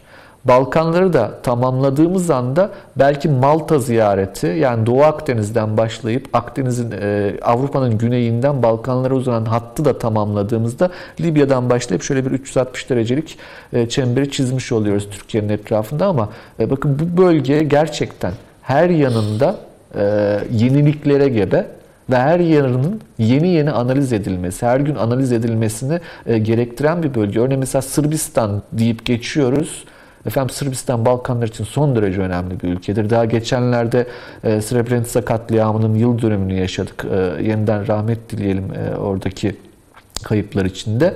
E, ama baktığınızda dehşet gösteriler oluyor Sırbistan'da. Bulgaristan. Ee, ve e, o bu gösteriler Süleyman e, Hoca Bulgaristan'a sadece ekliyor. karantina koşullarına e, tabii tabii salgın koşullarına ilişkin değil Sırbistan'daki gösteriler. Yani aşırı sağın da önünün açıldığını görüyoruz Sırbistan'da ki tehdittir bu bakın e, Balkanlar için her zaman. E, diğer bir husus Doğu Avrupa'ya baktığınızda Çek Cumhuriyeti'nin yarıldığını görüyoruz. Bitireceğim hemen. E, yani Başbakan ve Cumhurbaşkanı arasında ciddi bir yarılma var. E, Rusya ve Batı taraftarlığı anlamında. E, Daha pazar günü seçim oldu Polonya'da ve Polonya'da da yine bu yarılmayı tam ortadan yarılmış bir ülke olarak gördük Polonya'yı. Bakın bu hat Türkiye'nin çemberi, Türkiye'nin hattı e, ve Azerbaycan dediğiniz konuya da hani bir kere daha son kez söyleyeyim. Rusların bir atasözü vardır. Evin derler boynu, hanenin boynu hanımdır. Ee, ve boyun ne tarafa dönerse kafa o tarafa bakar derler. Azerbaycan Türkleri de her zaman şunu söyler. Türk dünyasının aklı İstanbul'dur, boynu Kafkaslardır, gövdesi, gövdesi Türkistan'dır. Ama boyun orasıdır, Kafkasya bölgesidir.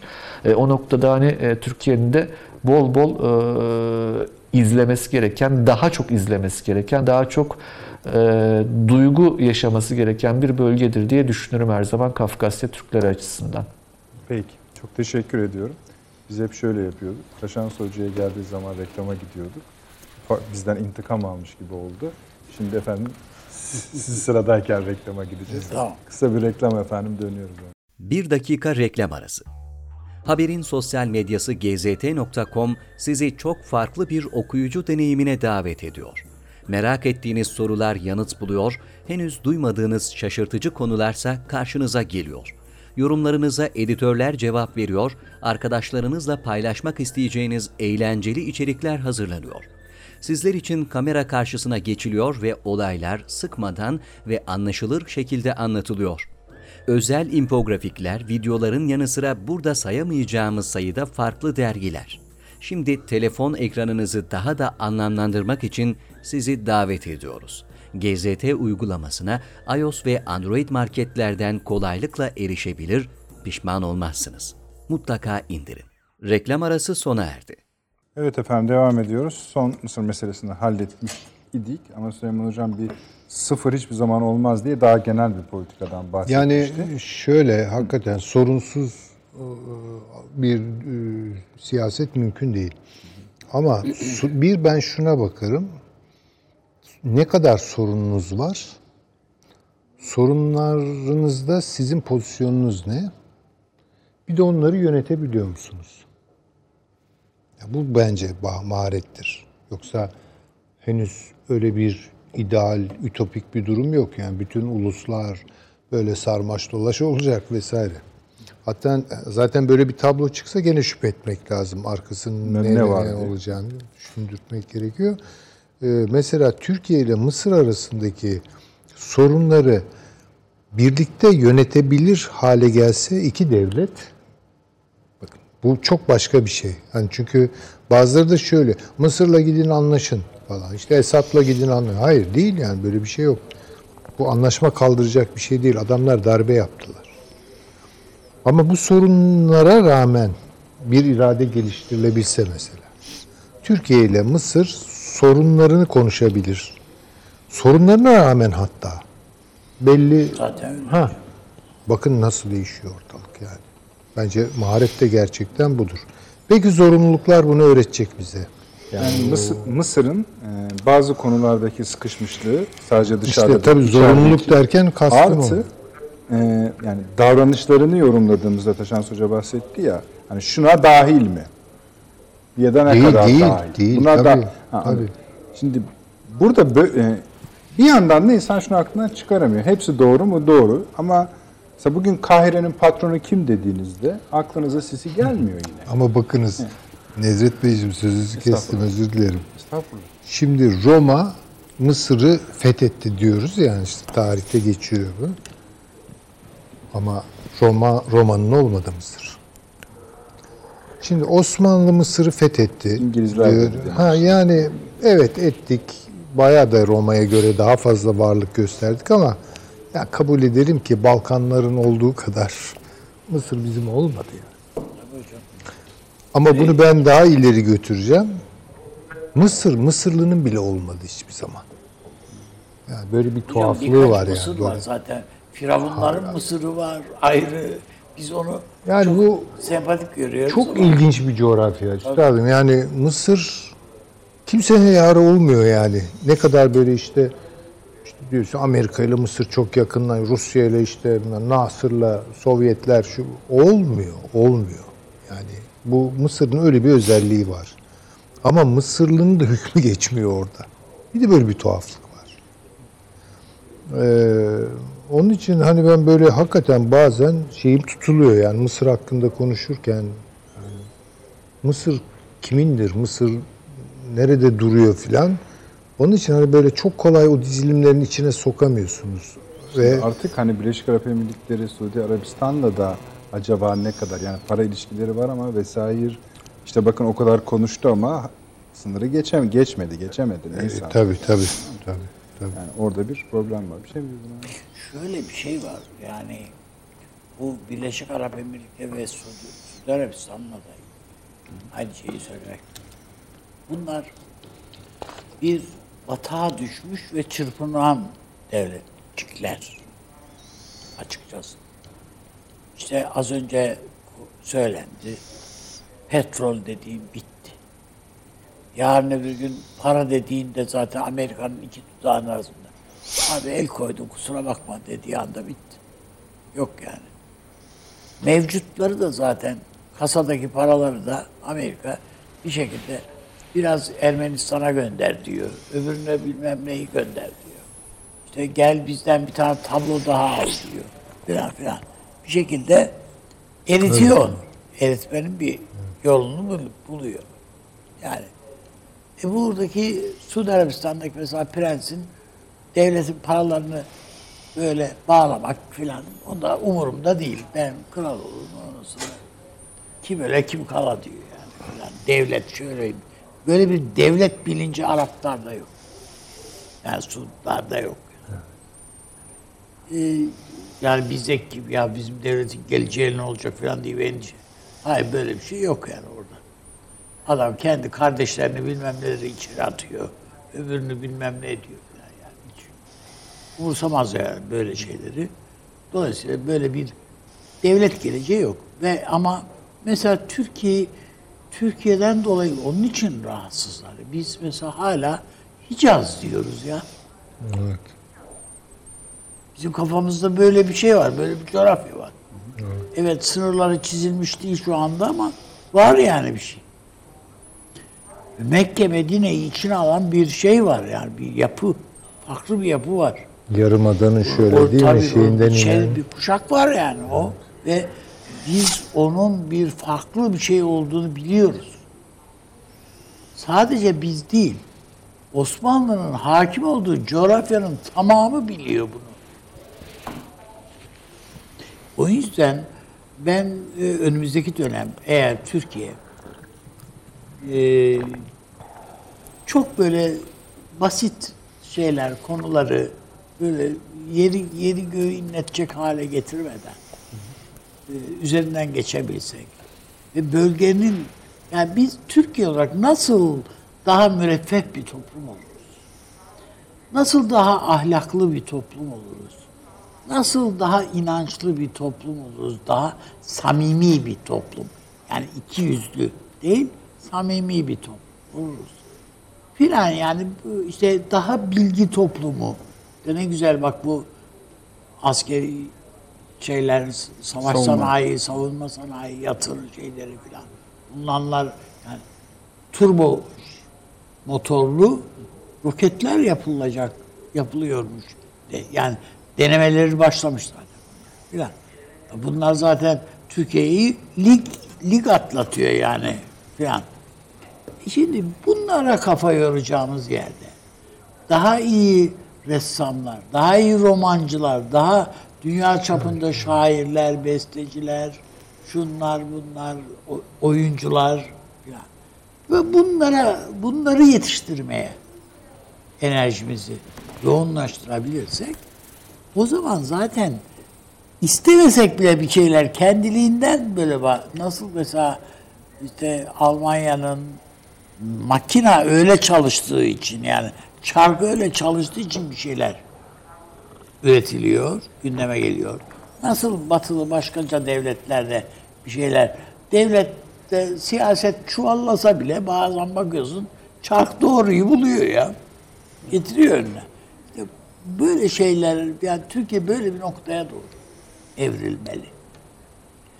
O bakımdan ben Türkiye'nin geleceğini zaten yani ümitsiz olsak zaten Gayet e, Evet, tabii. Bu kadar oturup bunları tartışmanın, konuşmanın kadar- bile manası yok. Tabii, emek Ama var. işte buna medya olarak katkın sunacaksın.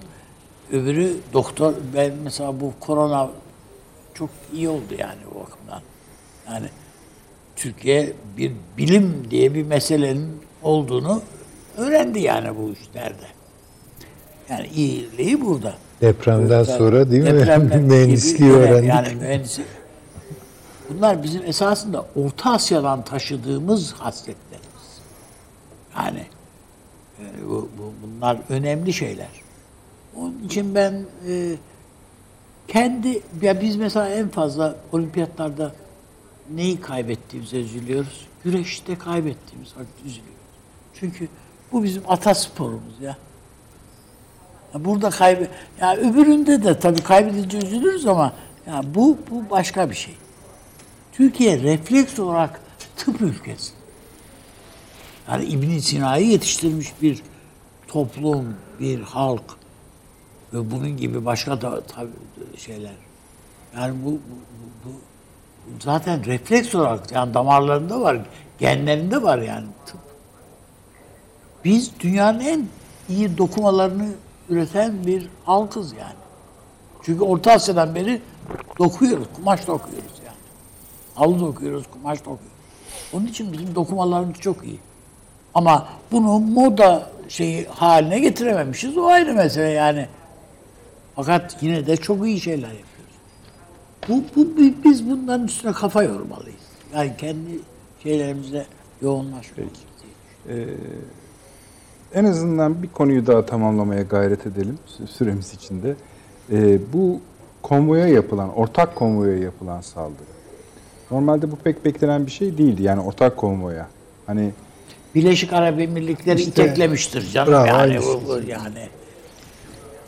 Suriye'ye burunlarını soktular derken Tabii, kastettim oraya bağlayacaktım. O e, ya. fakat kullandıkları aparat bunun yani orada orası cehenneme dönebilir biliyor olmasa. Tabii dö- dönsün istiyorlar. Dönsün canım istiyorlar zaten. Kendileri için de tehlikeli olabilir. zaten. Yok ya niye tehlikeli olsun? İdlib. Adam dünyanın bir ucunda küçük bir şey bu. Peki. Hayır, şeyi kastettim. Ha İşte aparatın Ona ona bomba atsan yandaki ülkeye düşer ya. Siz aynı fikirdesiniz. Bence de Burada öyle. müellif olarak da yine Birleşik Arap Emirlikleri'ni mi görüyorsun? Hiç ben ondan ç- çok fazla şüphe etmiyorum. Yani Belki Taşan Hoca'nın şüphesi var. yani bir sürü şey gene bir araya gelmiş olabilir ama şu an bence gene aynı şeyi söylüyorum. Bu Ermenistan Azerbaycan arasındaki hikayede de Birleşik Arap Emirlikleri var. Suriye'de bu işlerin içine o Nusra'nın bilmem nenin içine burnunu sokan gene Birleşik Arap Emirlikleri, Suudi ikisi birlikte veya Yani hocam Yegan, fail yegan. kim o önemli değil. Tabii tabii yani. O- Arkasında ha, arkasında şeyi ama bütün bunlar işte bu parantezin son e, kanatlarına doğru geldiğimizde e, Çin-Türkiye ilişkileri çıkıyor biliyor musunuz? Yani bunu, bunu ayrı bir şekilde tartışmak lazım. Doğru. Şöyle İş oralara gidiyor zaman, yani. yani Birleşik Arap Emirlikleri hadi bizi sevmiyor ama Rusları vurmuşlar. Yani e, Rusları da vurmuş oldu ama Ruslar yani bunu e, ne kadar üstlerine alınacak, bundan ne kadar muzdarip olacak onu bilmiyorum. Ya da şikayetçi olacak onu bilmiyorum. Şimdi şöyle bir şeyi... Sonuçta askerleri vuruldu. Evet. Yani Çin'le Türkiye arasında hesap açılmadı daha. Kapanmayı bırakın yani.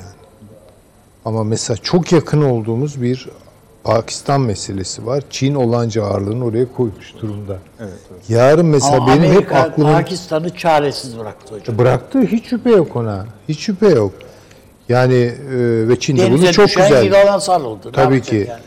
Ama mesela Türkiye-Pakistan ilişkilerinin geleceği Pakistan-Çin, Pakistan-Türkiye ilişkilerinin e, içinde tartışılabilecek bir gün yani bunlara benim hep valla aklım kurcalıyor o mesele. Yani kurcalaması mümkün değil. Esasında çok konuşuyoruz bunları ama asıl konuşulması gerekenlerin de bunlar olduğunu bilinciyle de evet, konuşuyoruz. Hocam Pakistan'ın da bir FETÖ'sü vardı. Tabii Kadiyani, Evet. Kadiyani mi ne diyorlardı? Peki Taşansı Hocam siz ne diyorsunuz ortak konvoya saldırı üzerine? Ee, yani şöyle şimdi o öyle bir nokta öyle bir e, kaotik durumdan bahsediyoruz ki o bölgede. E, kimin ne yaptığını, kimin kiminle ne yaptığını tespit edebilmek gerçekten çok zor. Ancak işte çıkarım yapmaya çalışıyoruz. E, ben Süleyman Hoca'nın söylediğine, Avni Bey'in söylediğine katılırım. Yani mümkündür. E, mümkündür. E, ama e, mümkün olduğu e, evet öyledir deme konusunda bana e, yeterli bir kanıt olmadığı müddetçe sadece mümkündür diyebiliyoruz. Tersi de olur böyle şeylerde biliyorsunuz. Yani e, mesela sonucuna baktığımız zaman böyle bir e, olayın, yani böyle bir saldırının sonucunda Rusya tarafı da İdlib'de oluşacak e, olası kendi saldırılarının meşruiyet kaynağı olarak böyle bir şey görebilir. E, İdlib'de böyle bu tarz saldırıların olmasından kim faydalı çık- çıkar? Rusya çıkar. Başka kim çıkar? İran çıkar. E, yani kimin kime ne yaptırdığının belli olmadığı bir coğrafya burası artık. Yani ne yazık ki öyle. E, bu dediğim gibi hani e, modellerle vesaire tabii ki farklı modellerle ihtimalleri biz ortaya koyabiliriz. E, o ihtimaller içerisinde işte Birleşik Arap Emirlikleri'nin, Suudi Arabistan'ın evet bir e, burada dahli olabilir. E, ama dediğim gibi e, bu tersten de e, işte oradaki bu gruplara saldıracak olan e, ülkelerin de işine gelebilir vesaire. Yani bu pek çok ihtimali barındıran bir bölge. E, zannediyorum hani bu tarz şeyler, e, bu tarz olaylar ancak e, üstünden belli bir zaman geçtikten sonra, belirli kaynaklar açıklandıktan sonra e, nihai analizi e, yapmak mümkün. E, şu an bizim yaptığımız birazcık e, beyin jimnastiği o anlamda Ama Ermenistan, Azerbaycan'da yani öyle işte bu yapmadınız. genel- Maşallah dört tane failimiz var elimizde. Ee, yine aynı şey aslında yine aynı şey. Orada da çünkü elde bir kanıt yok. Ee, model modeli çiziyoruz. Burada da e, çok belli model aslında. Ee, ancak işte dediğim gibi yani modelle e, hakikat e, bazen yanıltıcı olabilir siyasette. Ee, yani özellikle uluslararası siyasette tam tersi e, bu matruşka gibi bir şeydir. Yani e, zannedersiniz sizin lehinize yapılan bir şeydir. Halbuki sizi güçsüzleştirmek için yapılmış bir hamle de olabilir. Ee, ancak hani bunun olası sonuçları nedir üstünden e, gitmek lazım orada. E, yani Rusya'nın elini kuvvetlendirdiği açık böyle bir saldırının. E, Çünkü hani şu cümleyi e, kurma imkanı verdi Rusya tarafına. E, Hani bakın hani sizin silahsızlandırmaya söz verdiğiniz bu bölgede siz de bu işi yapamıyorsunuz. Ortak devriyemize bile saldırı oluyor. E, Dolayısıyla burası sorunlu bir bölge. Bu sorunun çözümü konusunda e, Rusya'nın e, tezleri daha doğrudur cümlesini diplomasi masasında bu argümanı üretmesine izin verebilecektir. Ama aynı şekilde hani o, o, o tarafa bu imkanı verirken başka bir anlamda da e, Türkiye'nin e, bir şekilde Rusya ile arasının açılması için bu yapılıyor olabilir ki Azerbaycan konusunda da e, biraz önce bunu söylemiştik. E, Belli ki Libya konusu e, bir önemli kriter ancak Libya konusunu da aşan e, Birleşik Arap Emirlikleri'nin e, ve Suudi Arabistan'ın Türkiye'ye karşı hasmane bir genel hat e, izlediklerini e, tespit etmek mümkün. E, Bu da çok aşılamaz şey değildir diye düşünüyorum. Ben hani nasıl e, Mısır için aşılabilir diye düşündük. Çünkü orada da e, bir şekilde Fransa'nın e, bu bölgedeki etkisini iyi hesaplamak lazım. Belki o ilişkilerin Peki hocam. iyi analiz edilmesi lazım ama ana çizgi Süleyman Hoca'nın söylediği husustur. En çok konuşmamız gereken şey bence de Çin. Çin-Amerika rekabeti, e, o, rekabet çerçevesinde İran ve Pakistan hattına da e, çok çok iyi bakmak lazım. Çünkü gerçekten artık her şeyin birbiriyle ilişkilendirildiği, e, ilişkilendirilebileceği ve hatta ilişkilendirilmeden açıklanamayacağı bir dönemin içindeyiz diye düşünüyorum ben. Peki. Çok teşekkür ediyorum. Şimdi efendim bu akşam size çok borçlu kaldık. En azından son konudan bile gelsek işte Çin-İran'ı konuşmamız gerekiyordu. Daha bir seri daha konu var. Mesela yine Sayın Dışişleri Bakanı demişti ki yani evet e, şeyde Libya'da bir hareket hazırlık yapıyoruz ama şu anda masayı deniyoruz. O masayı konuşacaktık. Oyuncularını konuşacaktınız. Daha bir seri konu var. Hakikaten Huawei'yi bile konuşmak lazımdı bu akşam. Çünkü orada da önemli gelişmeler var. Dediğimiz gibi bu akşam size çok borçlu kaldık ama sebebini biliyorsunuz önemli. Yani 15 Temmuz bu akşam da bir konser var. 15 Temmuz Destanı bütün TV kanallarında aynı saatte verilecek. Cumhurbaşkanlığı Senfoni Orkestrası ve Devlet Çok Sesli Korosu'nun eşliğinde bu yapılacak. Sayın Fahir Atakoğlu'nun bestesi. Ee, saat 22.30'dan itibaren bizim kanalımızda bunu verecek. Ama biz hem borçlarımızı hem o zamana kadar birikecek diğer alacaklarınızı inşallah Perşembe akşamı saat 21'de her zamanki saatimizde sizinle birlikte konuşacağız. Bol bol konuşacağımızı tahmin ediyoruz. Bunun için bu gece bizi e, affediniz. İyi geceler dileyelim.